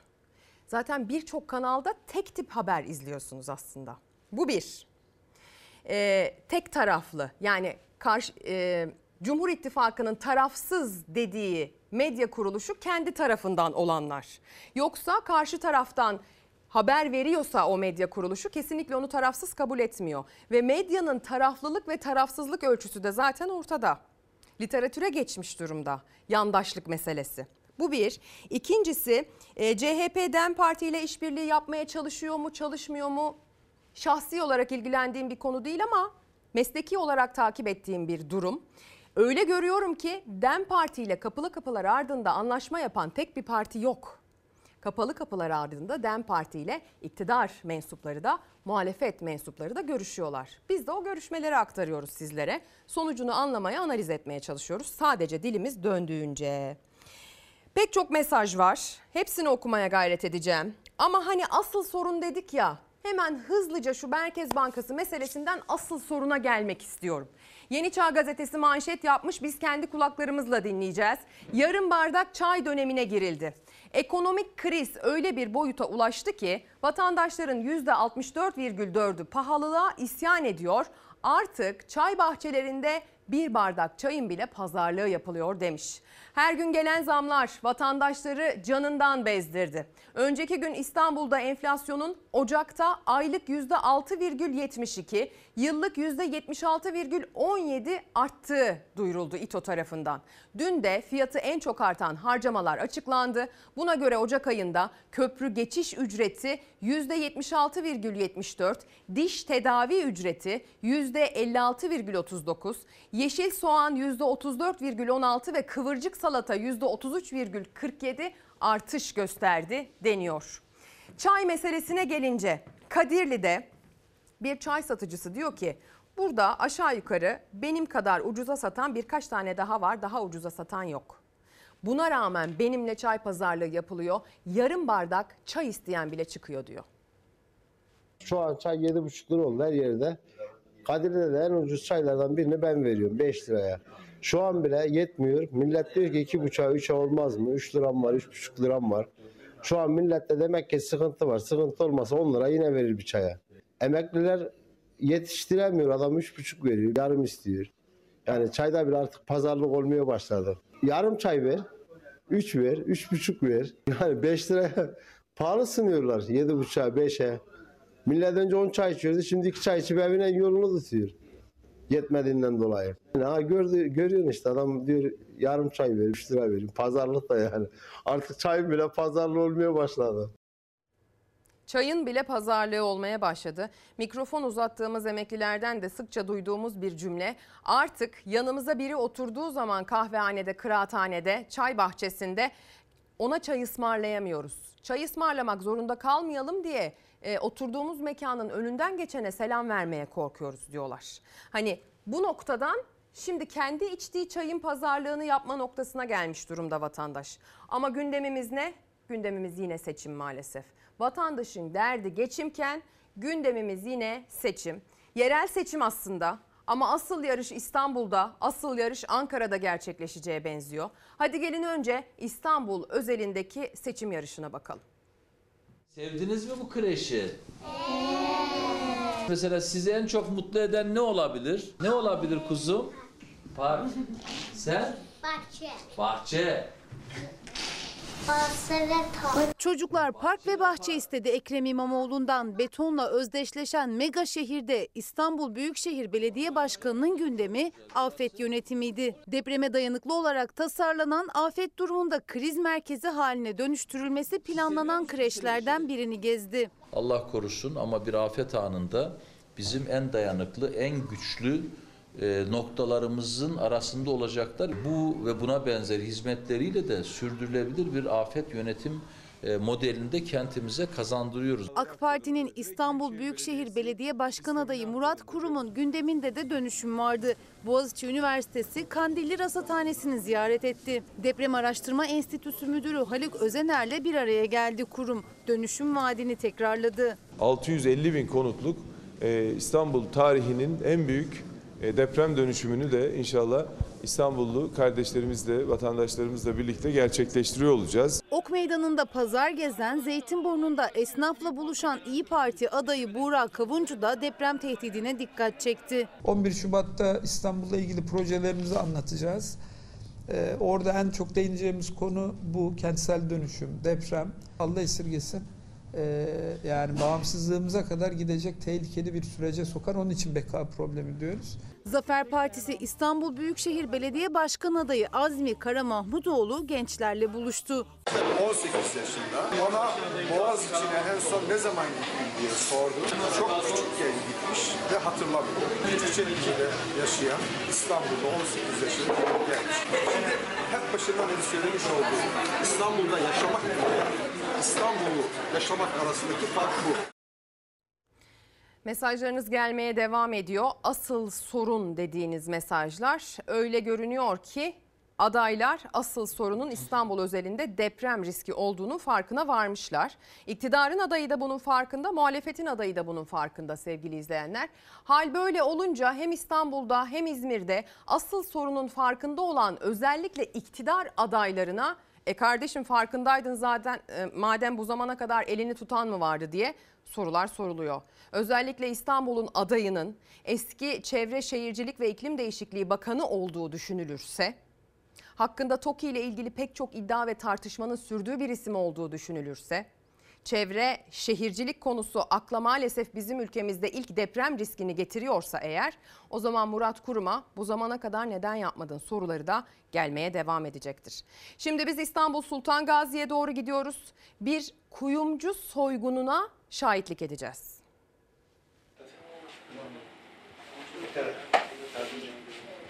Bir kadın bir erkek soyguncu çifti girdikleri kuyumcu dükkanında komşu esnaf engelledi. İddiaya göre çift emniyetteki ifadesinde evlenmek için soygun girişiminde bulunduklarını söyledi. İstanbul Sultan Gazi'de bir kuyumcu dükkanına girdi soyguncu çift. Birinin elinde silah vardı. Kadın hemen atletik bir hareketle tezgahın diğer tarafına geçti. Ancak planladıkları gibi yürümedi işler. Sakin ol diye bağırıyordu. Ben de çığlık atıyordum. Sesimi duyurmaya etraftaki insanlara çalışıyordum. Dükkan sahibinin oğlunun sesini duyan esnaf koştu. Biri hemen içeri girip silahlı soyguncuyu dışarı çıkardı. Mahmut abinin dükkana koştuğunu gördüm. Ben de peşinden koştum. Koştum. Ondan sonra içeride bir yaygara çıktığını gördüm. Sonra kapıyı açtım. İki tane maskeli Rıdvan arkadaşımız, esnaf komşumuz. Dışarıya doğru hırsızla beraber Mahmut'la beraber üzerine çullanmış attılar dışarıya. Kadın da hemen peşlerinden çıktı. O da esnafın hedefindeydi. Kaçıp tekrar içeri girdi. Kapıyı kapatmak istedi ama olmadı. Kız kıvrak yakalanan ve sevgili oldukları öğrenilen Enes E ve Öznur H polise teslim edildi.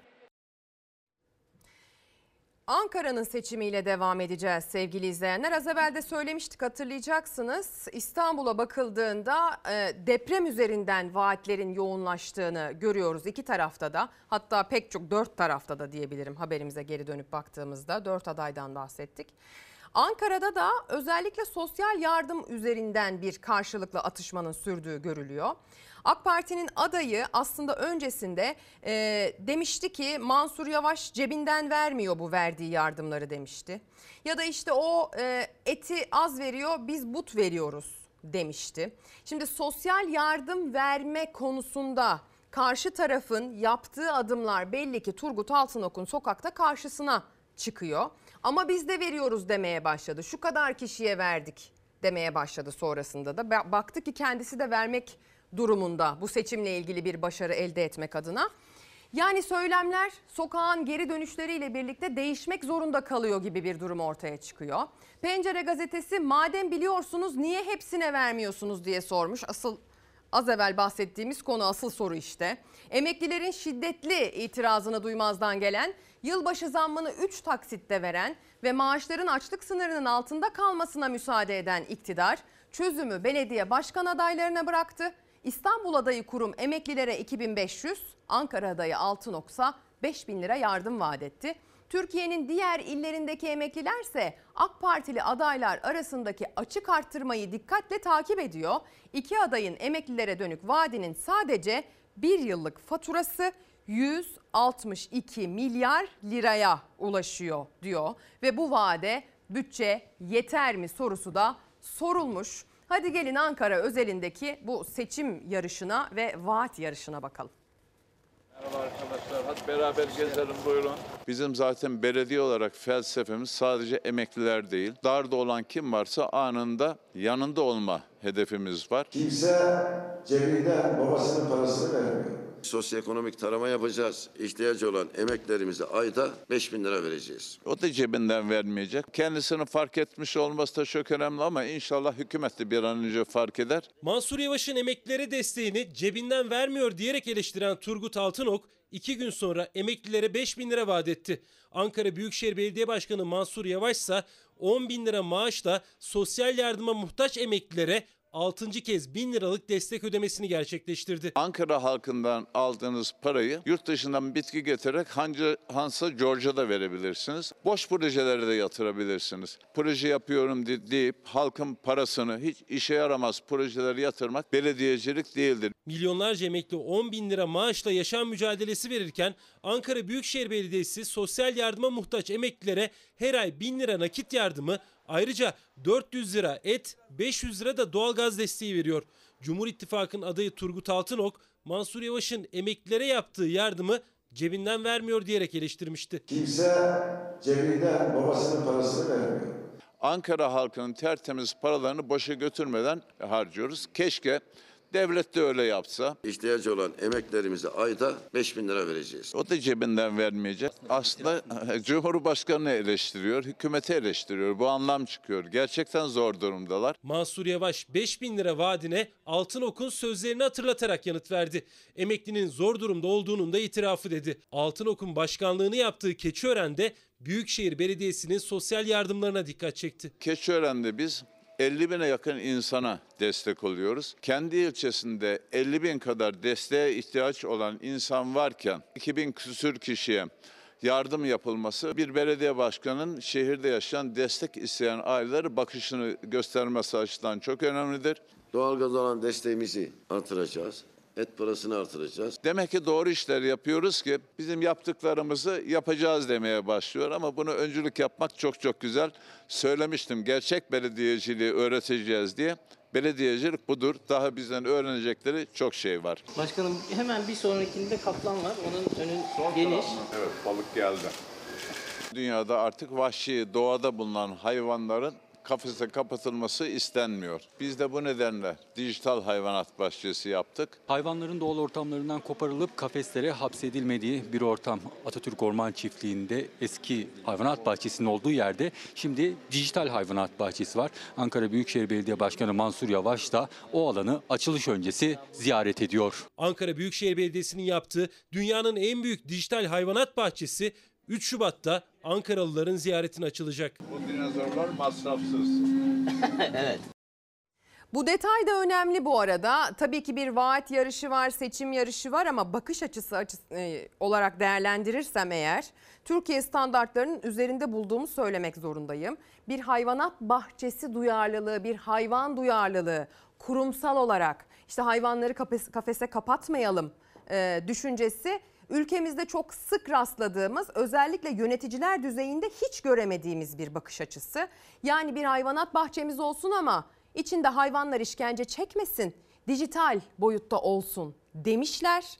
Kim demişse ağzına yüreğine sağlık. Kim buna öncü olursa peşinden gidenleri de e, etkileyecektir düşüncesiyle çok sevindiğimi bu konuyla ilgili de ayrıca belirtmek isterim. Şimdi sizi Elazığ'a doğru götüreceğim. 6 Şubat'ın yıl dönümüne artık günler kaldı. Durum ne? Durum hala kanayan yara boyutunda. Orada açılan o yarayı vaat ettikleri kadar kısa sürede maalesef yöneticiler kapatamadı. Kapatabilecek gibi de görünmüyorlar. Elazığ'da bir yıkım sağlam binayı da yıkıyor. Yıkılmadan önce makas sistemi var. Kolonlara, duvara zarar vermemesi için biz dedik makas sistemi olan makineleri getirip günlük bize 100 liraya mal olduğu için biz onu getiremeyiz. İddiaya göre bina sahibi olacakları öngördü. Yıkımın makas sistemiyle yapılmasını istedi. Ancak yıkımı yapanlar maliyetinin yüksek olduğu gerekçesiyle ev sahibinin bu önerisini geri çevirdi. Ağır hasarlı binanın yıkımı sırasında korkulan oldu. Sağlam olan binada hasar oluştu. Biz belediyeye, özel idareye, valiliğe ve emniyete bildirdiğimiz halde herhangi bir önlem alınmadı. Elazığ'da depremle hasar alan binaların yıkımı hala sürüyor. İzzet Paşa Mahallesi Şehit İlhanlar Caddesi'nde de özel bir firma ağır hasarlı bir binayı yıkıyordu. Hemen bitişiğindeki binanın sahibi yıkımın kendi binasına zarar verebileceğini söyledi. Uyardı, öneride bulundu. Ancak dinleyen olmadığı iddiasına göre yıkım çalışması sırasında sağlam binanın bir kısmı çöktü. Bu şekilde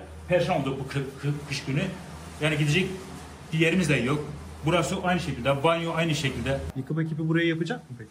Vallahi söylentilere göre güya geleceklermiş. Bina sahibinin iddiasına göre yıkım kontrolsüz yapıldı. Kış günü evlerinin duvarı yıkılan Kasım Soylu sesinin duyulmasını istiyor.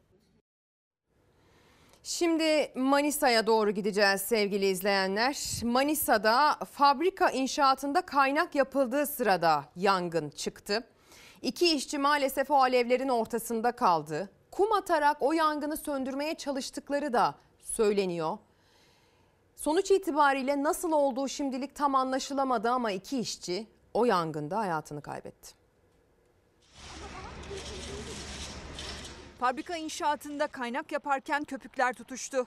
İşçiler panikle kaçmak isterken yanan malzemenin üzerine düştü. İşçileri görmeyen diğer işçilerse yangın sönsün diye kum döktü bilmeden üstlerine. Hem alevlerin arasında hem de göçük altında kalan iki işçi kurtarılamadı. Manisa Organize Sanayi Bölgesi'ndeki bir fabrikanın inşaatında kaynak çalışması vardı. İşçiler 5 metre yükseklikteki platformda kaynak yaparken yangın çıktı. Kıvılcımlar platformun altında istifli bulunan izolasyon malzemelerine sıçradı. İki işçi alevler yukarı doğru yükselmeye başlayınca paniğe kapılıp kendilerini aşağı bıraktı. Alevlerden kaçmak isterken yanan bölgenin üzerine düştüler. Diğer işçilerse işçileri görmeden yangını söndürmek için kepçeyle kum döktü tutuşan köpüklerin üzerine. Yanan bölgeye düşen iki işçi aynı zamanda göçük altında da kaldı. İtfaiye ekipleri cansız bedenlerini çıkardı göçük altından. Hayatını kaybeden işçiler Ali Baba Gürkan'la Zülfü Çınar'ın aslen Tuncelili oldukları Manisa'ya çalışmak için geldikleri öğrenildi.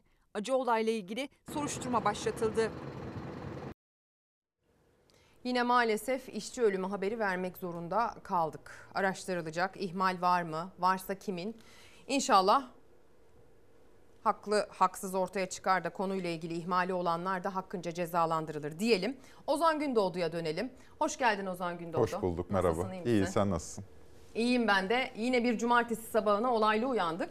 Merkez Bankası Başkanı. Hep de cuma akşamını bekliyorlar anladığım kadarıyla. Biz cumartesiye muhakkak böyle bir Allah Allah diye uyanmak zorunda kalıyoruz. Son 5 yılda 5. kez yaşıyoruz. Bir 5. de. kez bir cumartesi sabahı Merkez Bankası Başkanı'nın görevden alındığı haberiyle uyanıyoruz yani. Yani nasıl yorumlamak lazım? Şimdi zaten aslında Perşembenin gelişi çarşambadan belliydi. Evet. Kimse duruma şaşırmadı. Hı hı. Ee, öncesinde verdiği bir röportaj vardı. İşte ailesiyle birlikte yaşamak zorunda kaldığı, İstanbul'daki kiraların Manhattan'la yarıştığı, hatta orayı geçtiği. Ee, bir de e, kapıcı vardı. Neydi? Sadık, Sadık abi abi. miydi? Ee, Sadık abiyle bir hani fiyat tartışmaları oluyormuş. Sadık abi yok ya düşmedi git bak soğanın fiyatı şu kadar diyormuş. O da hayır hayır düştü diyormuş. Keza yaptığı son açıklamada da işte biz aslında yaptığımız e, işlemlerin sonuçlarını almaya başlamıştık. E, başarılarımızın sonuçlarını görmeye başlamıştık diyor. Keşke biz de hissetseydik dedim ben. İyi demişsin. Biz yani ben hissedemiyorum şahsen. Nasıl yorumluyorsun durumu?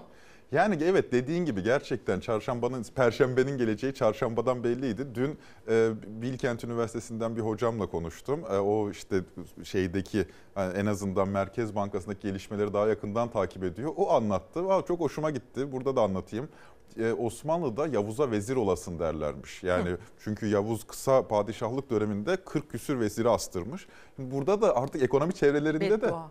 O ekonomi çevrelerinde de hani acaba ben mi Merkez Bankası Başkanı olacağım diye böyle beddua Korkuyor ediyorlar. herkes. Allah seni Erdoğan'a Merkez Bankası Başkanı yapsın diye. Çünkü gerçekten başarılı Merkez Bankası Başkanı sıfatı kalmadı. Çünkü hepsi bir şekilde ya görevden alınıyor ya istifa ediyor. Şimdi Hafize Gaye Hanım'da tuhaf bir durum var. Kendisi istifa mı etti? Pardon istifa değil affını mı istedi yoksa görevden mi alındı?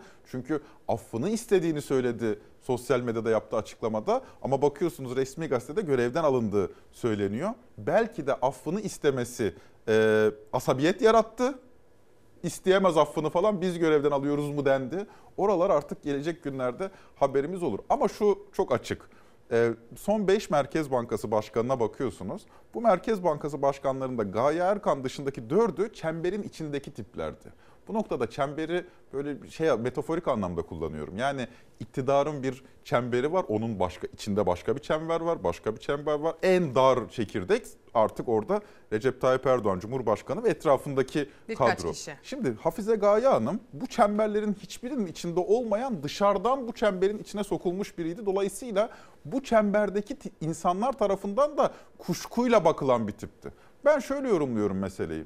Hafize Gaye Hanım'ın skandal diye anlattığımız bir aydır skandal diye konuşulan yaptığı şey neydi? Babasının hadsizlikleri vardı. Şey buydu yani. Yolsuzluk falan var mı? O da yok. Yani öyle bir şey yok. Ama gerçekten gerçekten olmaması gereken işlerin içine girmiş Hı hı. babası. Yani bunu hakkını verelim. Fakat ya ben Türkiye'de yaşıyorum 35 yıldır. Biz bu meblağı şey- skandal saymayız. Bu İsveç-Norveç standartlarında skandaldır. Yani tarihe nasıl geçecek? Ya babasının bazı hadsizlikleri vardı. Bu kadar kritik bir dönemde bunu tahammül edemedik. İşte görevden aldık. Şuna ne diyorsun? Büşra Korkmaz mıydı Ha, evet. hanımefendinin? CİMER'e yaptığı başvurunun bir şekilde basına sızması bir habercilik başarısıdır.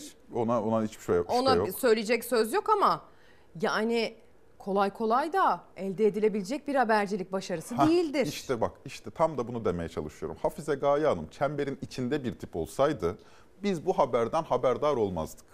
Çok açık. Dolayısıyla Hafize Gaye Hanım o çemberin içinde birisi olsaydı baba aynen devam ederdi yaptıklarına. Biz buna tahammül ederdik. Tahammül ederdik derken duyardık, söylerdik, kimsenin umurunda olmazdı. Yani neye göre söylüyorum bunu? Ya Türkiye'de Allah aşkına kurumlarda oturan en geniş yetkililerin, üst yetkililerin ailelerine bir şey yapılmıyor mu? Yani örneğin biz yıllarca Sadık Soylu'yu konuştuk. Örneğin Şehircilik Bakanlığı'nda ne yapıyordu Murat Kurum döneminde?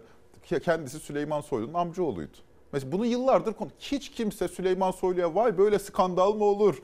Vay neler Allah Allah senin amca... Normal bu artık Bu normaldi. Ya, maalesef. ya biz Türkiye'de yaşıyoruz. Ya bizim Bilal Erdoğan diye bir gerçeğimiz var.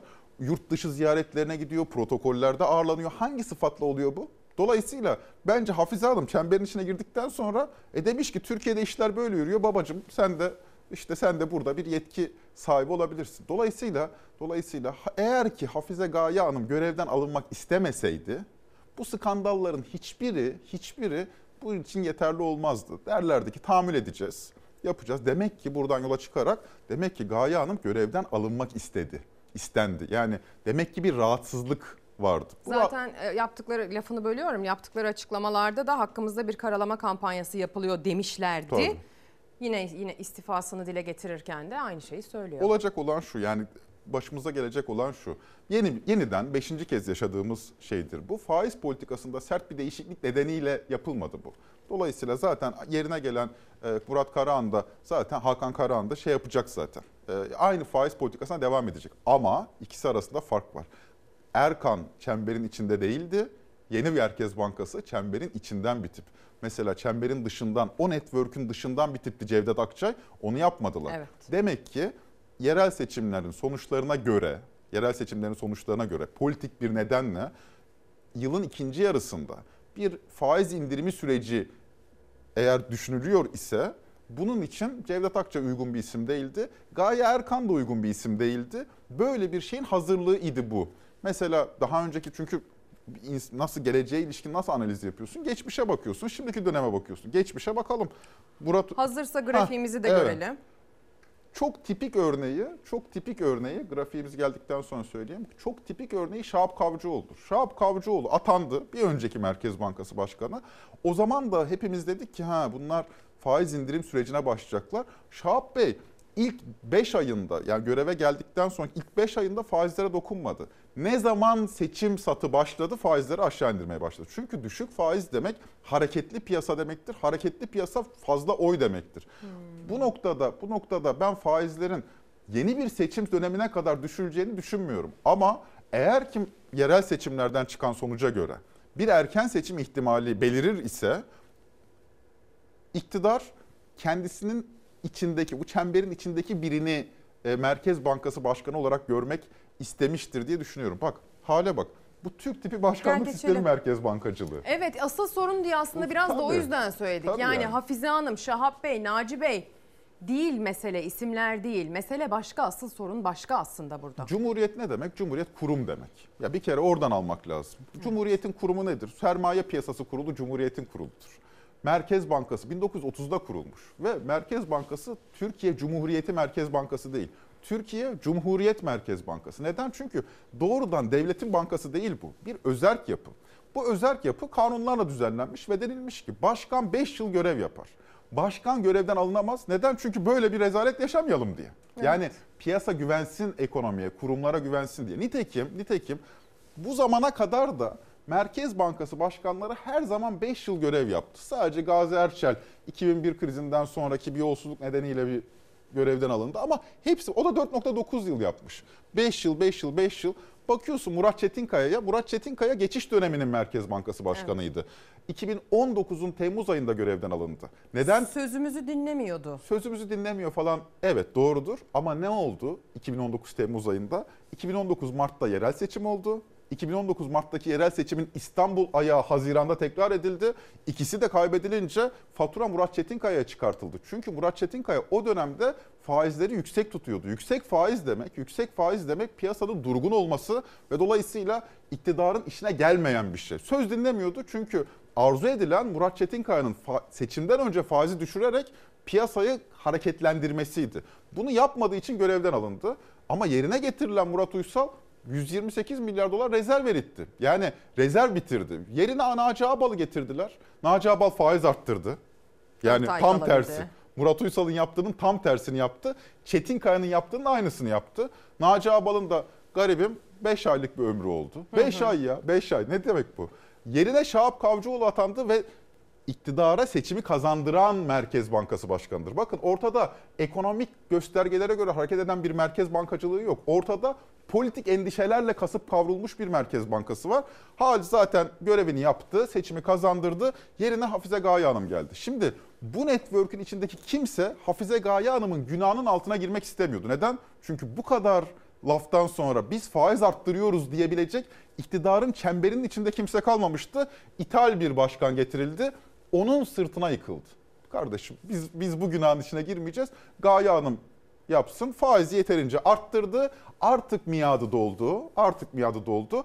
Artık şimdi çemberin içinden yeni bir Merkez Bankası Başkanı burada görev yapacak ama tabii ki artık bunu söylemek lazım. Bunlardan bir tanesi olmayacak o Merkez Bankası Başkanı. Yani 5 yıl boyunca görev Göreve yapmayacak. kalması mucize olur Mucize şu koşullar olacak. altında. Mucize olur çünkü örneğin 2028'de diyelim ki seçim. 2028'de seçim. Ben buradan söyleyeyim belki 4 yıl sonra hatırlatırım. 2028'de yapılacak seçimden önce bir yıl kadar önce faizler indirilmeye başlanacak. İşsizlik azalacak. Biraz enflasyon olacak. Rezervler eriyecek bu esnada. Daha kötü bir 2000 daha gelecek ortaya çıkacak ama Seçim. seçim seçim var. Bütün bütün dünyadaki bütün hükümetler me- bağımsız Merkez Bankası'ndan hoşlanmaz. Neden? Çünkü ister ki hükümet seçimden bir yıl önce faizleri indirsinler, piyasaya para pompalansın ki rahat girelim seçime. Fakat fakat Türkiye'de artık bağımsız bir merkez bankacılığı kalmadığı için yani en fazla 2-3 yıllık bir görev süresi var. Bunun ama bir sonucu oluyor tabii. Şimdi bu ekonomide yeni gelecek Merkez Bankası Başkanı'na kim güvenir? Kimse güvenmez. Şimdi e, yeni gelen Merkez Bankası Başkanımız da aslına bakarsan taze bir çalışanı Merkez Bankası'nın. Evet, Öncesinde Temmuz'da atanmış. Temmuz'da atandı. Öncesinde yurt dışında e, çeşitli Merkez Bankası'nda çalıştı, çeşitli üniversitelerde e, hocalık yaptı. Amazon'da çalıştığı biliniyor baş ekonomist olarak. Oradan buraya geldi zaten. Sen diyorsun ki e, Fatih Bey daha nispeten çemberin içinde sayabileceğimiz bir isim buna rağmen. E, Washington Büyükelçisi'nin yeğenidir. Murat Mercan'ın yeğenidir kendisi. E, zaten aynı zamanda ya bu çevrenin insanıdır. Bu çevrenin Gaye Erkan gibi değil. Gaye Erkan bu çevrenin insanı değildi. Bu çevrenin insanı olmaya çalıştı. Kabul ettiremedi kendisini. Ya da daha doğrusu miadı doldu diyelim. Fakat Fatih Bey öyle değil. Fatih Bey'in gerçekten iyi bir CV'si var. Zaten bir zahmet iyi bir CV'si olsun. Merkez Bankası'nı yöneteceksiniz. Ama mesele iyi bir CV'den ibaret değil. Türkiye'de örneğin Murat Çetinkaya'nın da çok iyi CV'si vardı. Murat Uysal'ın da çok iyi CV. Hatta Murat Uysal yani 128 milyar dolara eriten başkan olarak tarihe geçti. Hatta Murat Uysal Merkez Bankası'nın uzun yıllardır başkan yardımcısıydı. Yani şeydeydi, kurumun içinden biriydi. Şimdi Fatih Bey çiçeği burnunda aslında. Kurumdaki şey, Yani şey çok aslında taze. liyakatli diyebileceğimiz bir atamaydı bir önceki. Şimdi de yine kurumun içinden bir isim atandı. Nispeten yine liyakat sorgusu hani kağıt üzerinde yapılabilir değil. Evet. Ee, ama göreceğiz. Yani liyakatın anlamı yani liyakat üzerine konuşulan şeyler e, anlamını biraz kaybetti. E şimdi bu noktada Ali Babacan'ın dediği doğru şey yapmış. Sosyal medyada bu şekilde paylaşmış. Merkez Bankası Başkanı istifa etti haberini alıntılamış ve acaba Erdoğan mı istifa etti demiş. Çünkü gerçekten ortada kurum var mı? Yani ya da herhangi bir Merkez Bankası Başkanı iktidarın sözünden çıkabilir mi? O haliyle iktidarın sözünden çıkamazsa Fatih Bey'in o güzel CV'sinin ne anlamı var? Yok maalesef. İşte zaten tam da bu yüzden asıl sorun dedim. Evet. Tabii hayatın kendisine baktığımız zaman herkesin en büyük asıl sorunu sağlık. Evet. Ee, biriyle ilgili iyi bir dilekte bulunacağımız zaman önce sağlığıyla ilgili başlarız dileklerimizi saymaya. Sağlık bizim ülkemizde maalesef her ne kadar iktidarın ve iktidar yanlısı medyanın müthiş bir sisteme oturtuldu ve düzeltildi dediği bir şeye dönüşse de gerek doktor sayısı ile ilgili, gerek hastane sistemi ile ilgili, gerek hastane sayıları ile ilgili çok ciddi problem yaşadığımız bir durum. Özellikle büyük şehirlerde yaşıyorsanız e, bu daha da büyük bir sorun haline geliyor. Küçük şehirlerde yaşayan izleyicilerimize dipnot olarak düşmek isterim. Özel sağlık sigortası çalıştığınız özel şirket size yapıyorsa şanslısınız. Yapmıyorsa çok büyük paralar ödemek zorundasınız. Siz diyelim ki bir şekilde orta yaş grubu çalışan olarak özel sağlık sigortası sahibi oldunuz. E, büyükler ne olacak? Yaşça büyüklere özel sağlık sigortası ya yapılmıyor ya da yapılsa bile çok daha maliyetli oluyor. Ee, mevcut hastalıkları ile ilgili muafiyetler çıktığı için yani ananız, babanız, sizden yaşça büyük, aile büyükleriniz, büyük e, insanlar bizim için onları hastaysa eğer paranız varsa özel hastaneye götürüyorsunuz. Paranız yoksa ulaşabildiğiniz kadar sağlık hizmeti alabiliyorsunuz ki çoğu zaman da alamıyorsunuz. Bununla ilgili Ozan'ın anlatacakları var. Bak geçen hafta özel okullara ilişkin konuşmuştuk. Evet. Özel okulların fiyatlarına ilişkin konuşmak aslında bir sonuca ilişkin konuşmaktı. Bizim yapmamız gereken nedenleri irdelemekti. Evet özel okul fiyatları çok sert şekilde artıyordu ama neden artıyor? Çünkü devletten özel okula bir kaçış var. Normal şartlarda özel okul velisi olmaması gereken memur, işçi, çalışan insanlar çocuklarını bir şekilde devlet okulundan alıp özel okula koyuyorlardı. Bunun nedenleri üzerine konuşmaya değerdi. Bir kere ideolojik bir dayatmadan kaçıyorlar veliler. Benzer bir durum eğitimden sağlığa da geçtiğimiz zaman görülüyor. İnsanlar devlet okulundan, devlet okul diyor. Devlet devlet hastanesinden randevu alamadıkça mecburen, mecburen özel hastanelere talep ta- ediyorlar. Özel hastanelere talep ediyorlar. Bu özel hastaneler de ortaya çıkan bu aşırı talepten kaynaklı fiyatlarını rahat rahat arttırabiliyor. Sağlıktaki enflasyon %170. Yani normal enflasyonun çok daha üzerinde. Bu özellikle kronik hastalığı olanlar veya ileri yaşta olanlar için çok büyük bir çile. Çok büyük bir çile. Ee, burada peki bizim halkımız bu zorluğa nasıl adapte oluyor? Bu zorluğa adapte olmanın yolu evet birincisi özel sağlık sigortaları.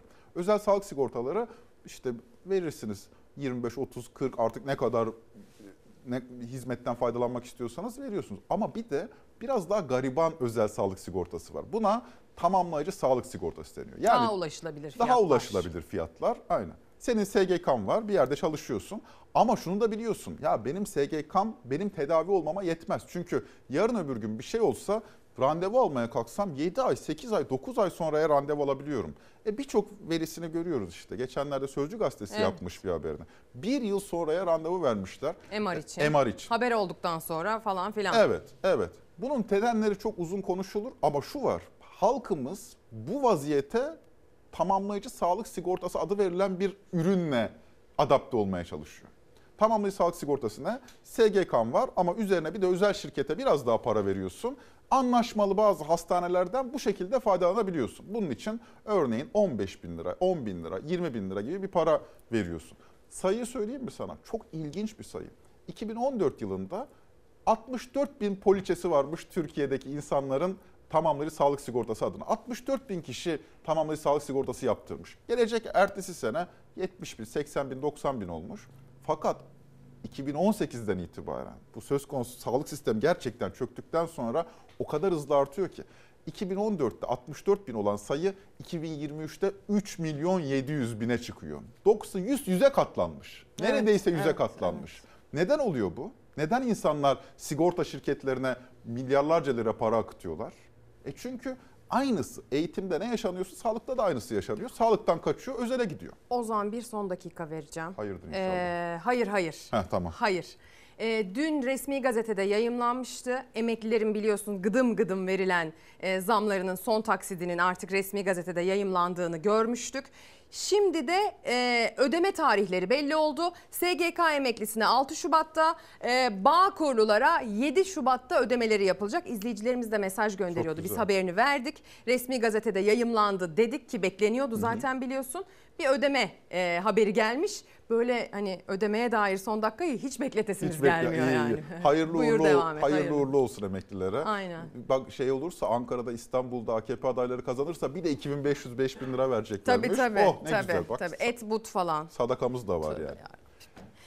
Yani Velhasıl, velhasıl- velhasıl ez cümle Türk ulusunun eğitim ve sağlık hakkı elinden alınınca Türk ulusu bu şekilde adapte oluyor bu sisteme. Hı hı. Çocuğunu özel okula göndermek zorunda kalıyor. Şimdi yarı yıldayız. Zamlar belli oldu. Bütün ailelerin evinde bir ateş olduğunu ben biliyorum burada. Özel okula göndermek zor. Kaldı ki devlet okuluna gönderip de özel okula göndermek isteyen ailelerin de evinde ateş var. Çünkü rahatsızlar. Keşke imkanımız olsa, biraz daha imkanımız olsa çocuğumuzu özel okula göndersek diyorlar. 2014'te 470 bin özel okul öğrencisi sayısı bu yıl 1 milyon 145 bin. 2014'te 64 bin tamamlayıcı sağlık sigortası yapılmış. Bu yıl 3,5 milyon. Bakın bu sayılar bir sosyolojik değişimin, toplumsal düzenimizin değiştiğini gösteriyor. Ortada yalnızca ekonomik kriz falan yok. Toplumsal düzenimiz değişiyor. Düzenimiz değişiyor. Bunu vurgulamak isterim. Çok teşekkür ediyorum Ben Ozan teşekkür ederim. Gündoğdu. Ben de hızla reklama gitmek Tamam, isterim. tamam oldu. Zamanımız daraldığı Tamam. için. Ozan Gündoğdu yine ışığıyla geldi sevgili izleyenler. Şimdi reklam sonra devam. Günaydın sevgili izleyenler. Ekran başına bir kez daha hoş geldiniz Çalar Saat hafta sonuna. Kaldığımız yerden devam ediyoruz. İrfan Tomakin göndersin bir gazetelere tekrar bakalım. Biliyorsunuz günaydın diyor olmamıza e, bakmayın aslında günümüzü karartacak pek çok haberle yoğruluyor Türkiye'nin gündemi son günlerde. Özellikle geçtiğimiz günlerin en can yakıcı haberlerinden birisi öldürülen taksicinin Oğuz Ergen'in haberiydi maalesef. Gerçekten insanlığın vicdanı kanadı. İnsan insan olduğundan utandı. Bunu yapan insansa biz neyiz diye soruldu sevgili izleyenler. Bakın Posta Gazetesi konuyu manşete taşımış. Baban ölecek ambulansı ara manşetiyle. Çünkü böyle bir detay ortaya çıktı konuyla ilgili. Katilden şoförün kızına tüyler ürperten sözler. İzmir'de bindiği taksinin şoförü Oğuz Erge'yi soğukkanlılıkla öldüren katil Delil Aysal'la ilgili korkunç bir ayrıntı ortaya çıktı. Katil şoförün telefonunu gasp edip son çevrilen numarayı aramış. Şoför can çekişirken de telefonu açan kızı Naz'a baban kan kaybından ölecek ambulansı ara demiş. Üç çocuk babası Oğuz Erge İzmir'de kızı Naz'la birlikte yaşıyordu. 250 taksi şoförü de önceki gece araçlarıyla konvoy yaptı. Bunu da Posta Gazetesi bir detay olarak aktarmış manşetin altında sevgili izleyenler. Sadece postada değil pek çok gazetede bu haberi bugün ilk sayfadan bulmak mümkün. Sözcü gazetesi onlardan bir tanesi. Bakın hangi başlığı ele almışlar, hangi başlığı uygun görmüşler. İyilik iyidir dedik, iyiliği de öldürdüler diyor gazete. Soğukta üşümesin diye aracına aldığı genç taksiciyi katletti. Büyük infial yaratan cinayet İzmir'de yaşandı. Taksici Oğuz Erge gece sokakta bekleyen maskeli bir genci aracına almıştı 19 yaşındaki Delil Aysal'ı. Araçla bir süre gittikten sonra belinden tabanca çıkarıp taksici Oğuz Erge'ye 3 el ateş etti. Sonra da yaralı taksicinin telefonunu çalıp kaçtı. Kanlar içindeki taksici hastanede can verdi. Katil kısa süre sonra yakalandı. Vurduktan sonra bir de dedi ki ya dedi herkese güvenmeyeceksin dedi. Biz zaten son dönemde trafikte, yolda insanlarla karşı karşıya gelmekten, göz göze gelmekten, herhangi bir sözlü tartışmaya dahi girmekten korkar hale geldik. İyiliğe olan inancımızı kaybetmeye başladık. Ama iyiliğe olan inancımızı kaybetmemek görevlerimizin başında geliyor bu ülkede, bu dünyada, özellikle de bu ülkede. Bu bir isyan biçimi çünkü. Biz iyiliğe olan inancımızı kaybetmeyeceğiz. Sen öyle o maskeyi takarsan kimse durmaz abi. abi ben niye alacağım? İnsan bizim bu havada sokaktan kadar baksana dışarısı buz kesmiyor. Borcunuz amca? 221 kardeş. Mesaisi bittiği halde soğukta üşümesin diye aldığı yolcu taksi şoförü Oğuz Erge'yi öldürdü. Ensesinden üç el ateş etti. Can çekişen adama bazı insanlara güvenmeyeceksin dedi. Cebindeki paraları ve telefonu alıp gitti. Türkiye'yi sarsan taksici cinayetinin kurbanı Oğuz Erge kaldırıldığı hastanede yaşamını yitirdi. Onu vuran katil zanlısı 19 yaşındaki Delil Aysal saklandığı evde yakalandı, tutuklandı. Tamamıyla iyi niyeti. Güzel bir insandı ya. Abi ben niye alacağım? İnsan bizim bu havada sokaktan buraya kadar baksana dışarısı buz kesmiyor. İzmir Gazi Emir'de önceki gece sabaha karşı saat 03.24'te maskeli bir kişi durdurdu Oğuz Ergen'in kullandığı taksiyi. Daha önce birkaç taksicinin kendisini görüp durmadığını anlattı yolcu. Şoför Oğuz Erge ise insanlık bu soğukta bırakılır mı dedi. Ama onun insanlık yaptığı kişi Erge'yi sırtından vurdu. Ya bazı insanlara güvenmeyeceksin. İyi bir arkadaştı, iyi komşuydu. Kendi halinde bir çocuktu. Yani zararsızdı. Herkese karı var ki de zararı yoktu yani. Vuruldun mu? Bilmiyorum. Ağrıyor mu bir yerin? Acıyor mu? Buradan geliyor buradan. Hayır. Vallahi billahi vuruldu abi. Araç içi kameranın an be an kaydettiği vahşetin ardından hastaneye kaldırıldı Oğuz Erge. Tüm müdahalelere rağmen kurtarılamadı. Katil zanlısı Delil Aysal ise ilk ifadesinde araçtayken bir anda gasp fikri aklıma geldi ve eylemi gerçekleştirdim dedi tutuklandı. Oğuz Ergen'in cenazesi Adli Tıp Kurumu'ndan alınıp ailesiyle birlikte yaşadığı apartmanın önüne getirildi son kez. Komşuları, arkadaşları, eşi, kızları gözyaşları içindeydi. Cenazesi toprağa verilmek üzere memleketi Aydın'a gönderildi. İnsan böyle olayları hep başkasının başına gelir diye izliyor ve yorumluyor. Dost meclisinde duyduğunuz bazı olaylar, belli sağlık sıkıntıları, böyle vahşet içerisinde yaşanan olaylar kendi başına hiç gelmez, hep başkasının başına gelir zannediyor. Sonra bir gün karşı karşıya kalmak, mücadele etmek durumunda kalabiliyorsunuz. Bu ve benzeri olaylarda Türkiye'de alevlenen bir tartışma olaydan sonra yine alevlendi. O da ne? İdam tartışması. Pek çok benzer durumda toplumda genişçe yer almış, kamuoyuna mal olmuş, infial yaratmış, toplum vicdanını yaralamış durumlarda herkes hep bir ağızdan işte bunlar idam edilsin diyorlar. Ama az evvel söylediğim gibi kendi başına gelmez zannediyor ya insan. Başkası için idam isterken de galiba kendi başımıza gelmez zannediyoruz. İçinde bulunduğumuz hukuk sistemini bir gözünüzün önüne alın. Böyle bir hukuk sisteminde parası olanın sözünü geçirdiği iddia edilen, sistemin iki dudağının arasında işlediği öne sürülen, bunun örneklerini görmenin hiç zor olmadığı bu hukuk sisteminde eğer idam gelirse ne olur? Bunu da bir düşünmek lazım. Yaşanan insanlık dışı bir durum. Kelimelerle anlatmanın çok zor olduğu, ifade etmenin çok zor olduğu bir durum. Bunu hiçbir su götürmez. Ama bunu da düşünmeden istememek lazım bazı şeyleri.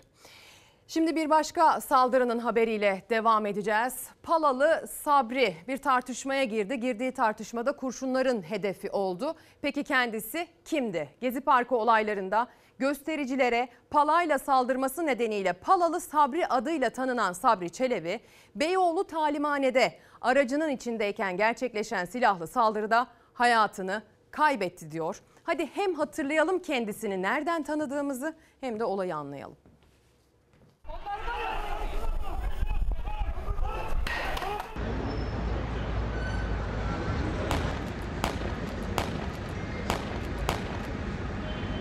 Gezi Parkı olaylarında elinde palayla eylem yapan gruba saldırmış biri polis 4 kişiyi yaralamıştı. Türkiye'nin palalı olarak tanıdığı Sabri Çelebi yine aynı adreste kurşunların hedefi oldu. Yolu kesilen Çelebi aracından indi, tartışma kavgaya dönüştü. Ardından tartıştığı kişi silahını çekti. Sabri Çelebi kaldırıldığı hastanede öldü.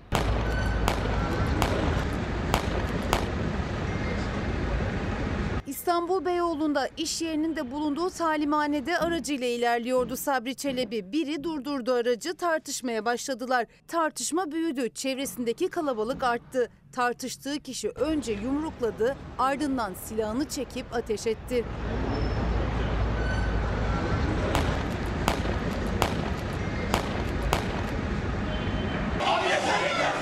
Türkiye Sabri Çelebi'yi 2013 yılında gezi olayları sırasında elinde palayla çevredekilere saldırdığı bu görüntülerle tanıdı. O saldırıda çok sayıda kişi yaralanmıştı. 2017 yılında yine aynı yerde. Bu kez iki grup arasında çıkan kavganın içindeydi. Kurşunların hedefi olduğu ayaklarından vuruldu. Ya adam öldürmedim ne 27 yılı adam öldürenlere kaç ceza veriliyor kaç sene? Son olarak gece geç saatlerde yaşanan bu kavgada yine silahlar çekildi. Sabri Çelebi bir kez daha kurşunların hedefi oldu. Ağır yaralandı. Çevredekiler tarafından kendi aracıyla hastaneye kaldırıldı, kurtarılamadı. Cenazesi incelenmek üzere Adli Tıp Kurumu'na kaldırıldı.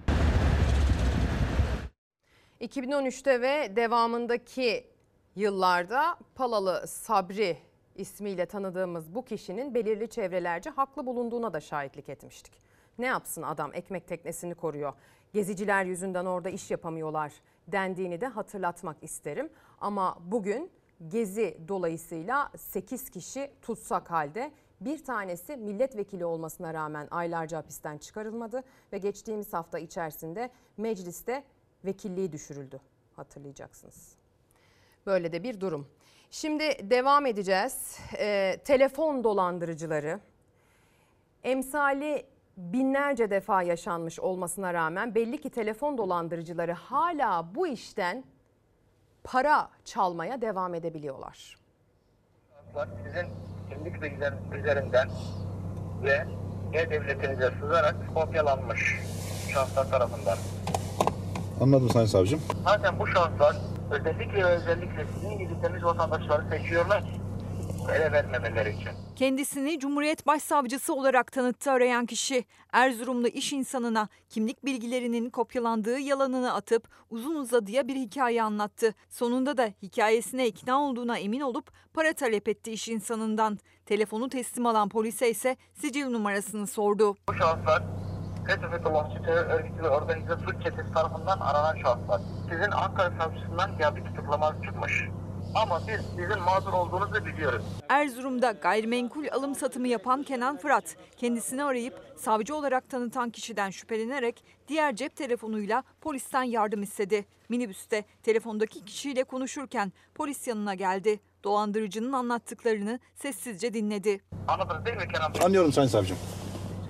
Siz mağdursanız, siz devletinize, milletinize, bayrağınıza sadık bir insansınız ve burada ekmeğinizin peşinde olan bir insanlarsınız. Evet. Polisler seni arayacaklar tamam mı? Evet. Onlara cevap verirsin.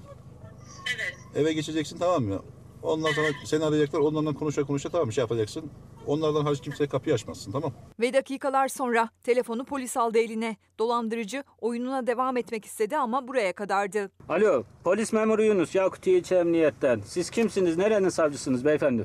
Tamam yanınızdaki şahsı bir adliyeye gönderir misiniz? E, Nereye göndereyim, hangi adliyeye göndereyim? Biz gerekli e, işlemler için karakola götüreceğiz. Hakkında da ilk arayan numara dahil tüm numaralar bizde kayıtlı. Hakkınızda dolandırıcılıktan suç duyurusunda bulunacağız. Polise sicil numarasını soracak kadar ileri gitti telefon dolandırıcısı. Beyefendi. Buyurun. Bana bir sicil numaranızı söyler misiniz? Sen e, kimsin ben sana sicil numaramı söyleyeyim. Hiçbir devlet kurumu vatandaştan para talep etmez. Bankada para yatırmasını telefonla arayaraktan para yatırmasını talep etmez beyefendi. Polis telefon dolandırıcısını yakalamak için çalışma başlattı. Kesinlikle inanmayınız. Kesinlikle ne olursa olsun öyle bir durumda direktmen emniyete bilgi veriniz. Kesinlikle inanmayınız. Kesinlikle paranızı götürüp herhangi bir adreste böyle birisi olduğunu iddia eden birine teslim etmeyiniz. Ve artık lütfen bu insanlar bu işten para kazanmaya devam edemesinler. Para gasp etmeye devam edemesinler. Kenya'da yeniden dolum tesisinde bir patlama meydana geldi. İki kişi öldü, 22 kişi yaralandı.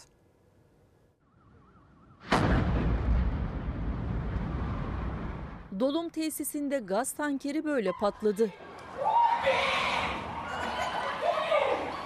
Kenya'nın başkenti Nairobi'de gaz dolum tesisindeki gaz tankerinde önce patlama meydana geldi. Ardından da yangın çıktı. Alev topuna dönen tankerdeki yangın kısa sürede gaz dolum tesisine ve çevredeki binalara sıçradı. Yangında iki kişi hayatını kaybetti. 222 kişi yaralandı. Yangının dolum tesisi yakınlarında bulunan bir tekstil ve konfeksiyon deposuna da sıçradı. Çok sayıda araç ve evin kullanılmaz hale geldiği açıklandı. Kadın cinayeti diyeceğiz hatta kadın cinayetleri demek zorundayız. Dört kadından bahsedeceğiz. Üçü artık hayatta değil, biri yaşam savaşı veriyor. Anaokulunda İngilizce öğretmenliği yapan Büyük Britanya uyruklu kadın takıntılı aşığı tarafından aracının içinde katledildi. Son 24 saatte Türkiye'de 3 kadın cinayete kurban gitti. Etkinlik için gelmişti. Düzenli çalışan bir değildi ama çocukları böyle bazen işte çalışmalar yapmak için dışarıdan destek alıyoruz. Bir etkinlik için buradaydı. Maalesef çıkışta da böyle bir olay. Biz de polisten öğrendik çünkü. Hani detaylarını. Büyük Britanya uyruklu Keti Erorbay İstanbul'da İngilizce öğretmenliği yapıyordu. Cuma günü Kartal'daki bir anaokuluna drama etkinliğine gitti. Etkinlik bitiminde anaokulundan çıkıp aracına bindi. Ee, Daha önceden bir etkinlikte daha çalışmıştık. O kadar biz de biliyoruz. Taksi şoförü Mustafa Gülter bu sırada Erorbay'ı bekliyordu. Aracıyla öğretmenin otomobiline yaklaştı. Öğretmeni zorla aracından indirmeye çalıştı. Yaşanan tartışmanın ardından yanında bulunan silahla Keti Erorbay'ı önce çenesinden yaraladı ardından da öğretmene ateş etti. Öğretmen sürücü koltuğunda otururken kanlar içinde kaldı. Araçtaki diğer kadın korku içinde otomobilden inip kaçtı. Kete Erorbay kaldırıldığı hastanede hayatını kaybetti. Taksi şoförü Mustafa Gülter'in Erorbay'a takıntılı biri olduğu, sık sık kadını takip ederek rahatsız ettiği öğrenildi. Bir drama ile ilgili bir şey yaptırmıştı. O kadar. Yani zaten dediğim gibi yani çok kısa bir şeydi. Biz de bilmiyoruz olayın nedenini. Çocuklara yansıtmadık biz. Yani hak verirsiniz küçük küçük çocuklar var burada. Kete Erorbay bir Türk'le evliydi. Evliliklerinden de Erorbay'ın bir çocuğu vardı. 30 yaşındaki bir çocuk annesi Sevda Timursa Sakarya'da bir eğlence mekanında oryantallik yapıyordu. Genç kadın kendisinin oryantallik yapmasını istemediği erkek arkadaşı Ümit Demirtaş tarafından yaşadığı dairede silahla vurularak öldürüldü. Ümit Demirtaş karakola giderek cinayeti itiraf etti. Aydın'ın Efeler ilçesinde de polis ekibi yardım çığlıklarını duyan komşuların ihbarıyla harekete geçti. Semra Kocaman'ı evinde bıçaklanarak öldürülmüş halde buldu. Kocaman'ın eşi, kızı ve kızının erkek arkadaşı gözaltına alındı.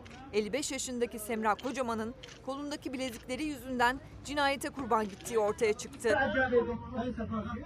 Diyarbakır'da ise çevre yolu üzerinde 25 yaşındaki Veysi Çiçek belinden çıkardığı tabancasıyla aynı yaştaki kız arkadaşı Dilan Kanağı vurdu. Genç kız ağır yaralandı.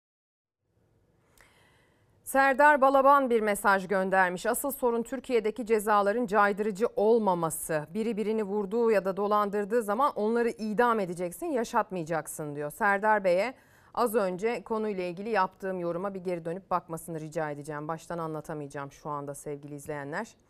Böyle bir hukuk sistemine gelecek idam cezasının nelere yol açabileceğini biraz düşünmek diye özetleyebilirim belki. Kadın cinayetlerine son verilsin. Artık kadına şiddete hayır diyorum. Ordu'da öldürülen Ceren Özdemir'i unutmadık, unutmayacağız diyor. Pek çok böyle mesaj geliyor. Asıl sorun silahlanma diyen izleyicilerimiz var ki hakları var. Şimdi Tekirdağ'da seyyar satıcılar arasında kavga.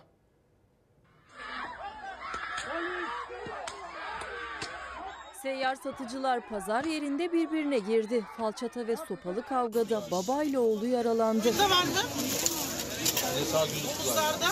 Tekirdağ Çorlu'da pazar yerine giden seyyar satıcılar iddiaya göre pamuk şekeri satmak için pazar tezgahlarına yanaştı. Ancak zabıta satış yapmalarına izin vermedi. Pazardan çıkarılan seyyar satıcılar arasında bu kez gerginlik yaşandı. Tartışmanın büyümesi üzerine kavga çıktı. Pazarda büyük korku yaşandı.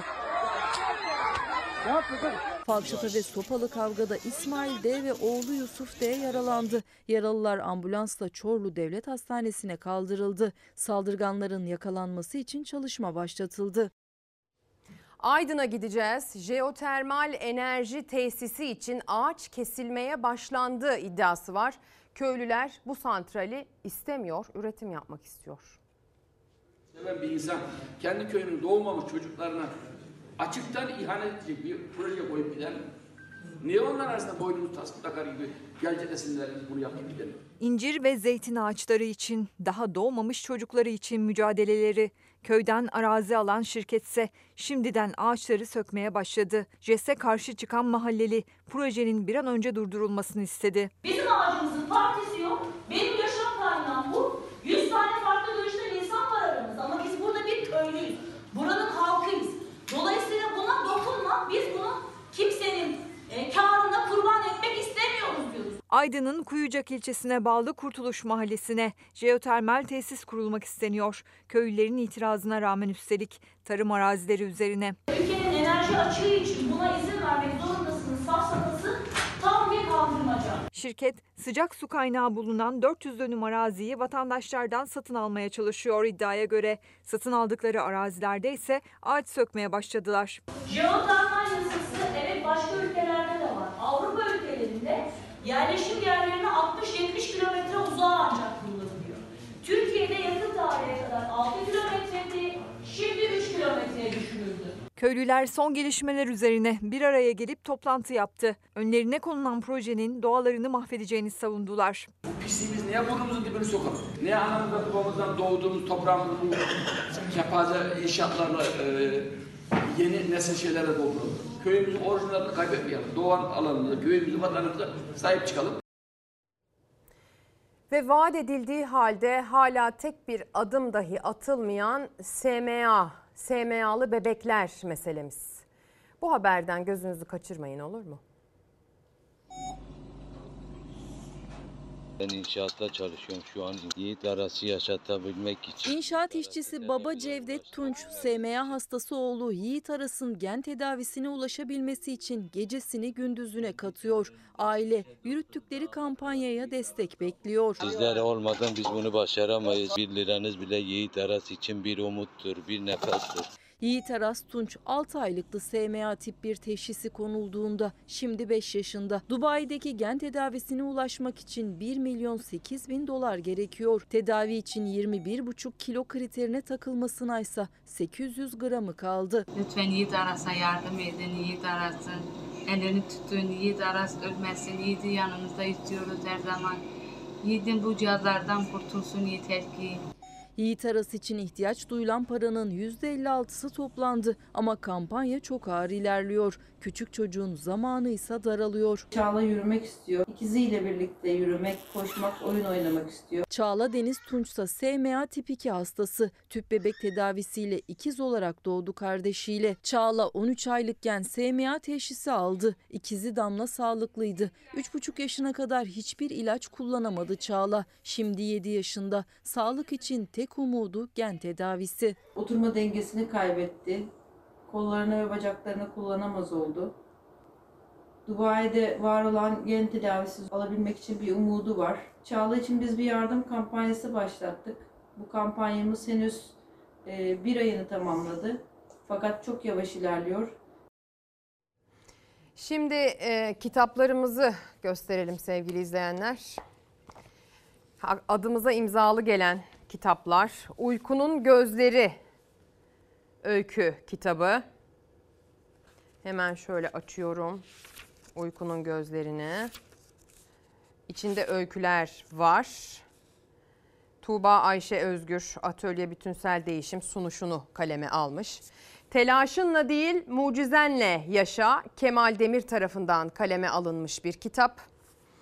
Bir de Atatürk'ün hayatı Türk işaret dili ile anlatımı diyor.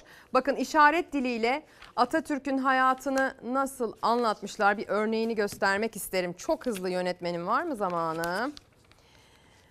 Mustafa Kemal Atatürk'ün harfleri Türk işaret diliyle anlatılmış. Yine Mustafa Kemal Atatürk işaret diliyle e, resmedilmiş. Ne söylediği bu gördüğünüz QR kodlarda gizli. Telefonunuza tutuyorsunuz ve kendisinin hayatını işaret diline dair bir engeliniz olmasına rağmen e, anlayabiliyorsunuz. E, ve aslına bakarsanız muhteşem bir eser. Güzel hazırlanmış, güzel görünüyor. İşaret dili konusunda uzman olanlara, bununla ilgili bir engeli olanlara da duyurmuş olalım diyelim. İşaret dili tercümanımız Meltem Küçük'le birlikte yapıyoruz biliyorsunuz bu yayını da biz de zaten. Şimdi reklama gideceğiz. Sonra Meltem ablayla birlikte söyleyecek son bir sözümüz de olacak. Günaydın sevgili izleyenler. Ekran başına bir kez daha hoş geldiniz derken artık veda etmek için karşınızda olduğumuzu biliyorsunuz. Bu sabah size sıcak pek çok haber aktardık. Hafize Gaye Erkan'ın Türkiye Cumhuriyet Merkez Bankası Başkanı'nın görevinden affını genişçe ele aldık, anlamaya çalıştık. Hakkari'de bir deprem gerçekleşti sabah erken saatlerde. Bunun sıcak bilgisini aktardık. Bir de emeklinin maaş zammının farkını Dün gece resmi gazetede yayımlanan o farkın ne zaman yatırılacağı bilgisini sıcak sıcak aktarma fırsatı elde ettik. Şu saatler içerisinde Türkiye'den dünyadan genişçe bahsettik. Asıl sorunun ne olduğunu da sizden dinledik. Yarın sabah yine siz anlatacaksınız, biz dinleyeceğiz. Biz anlatacağız, siz dinleyeceksiniz. 8.30'da burada buluşalım.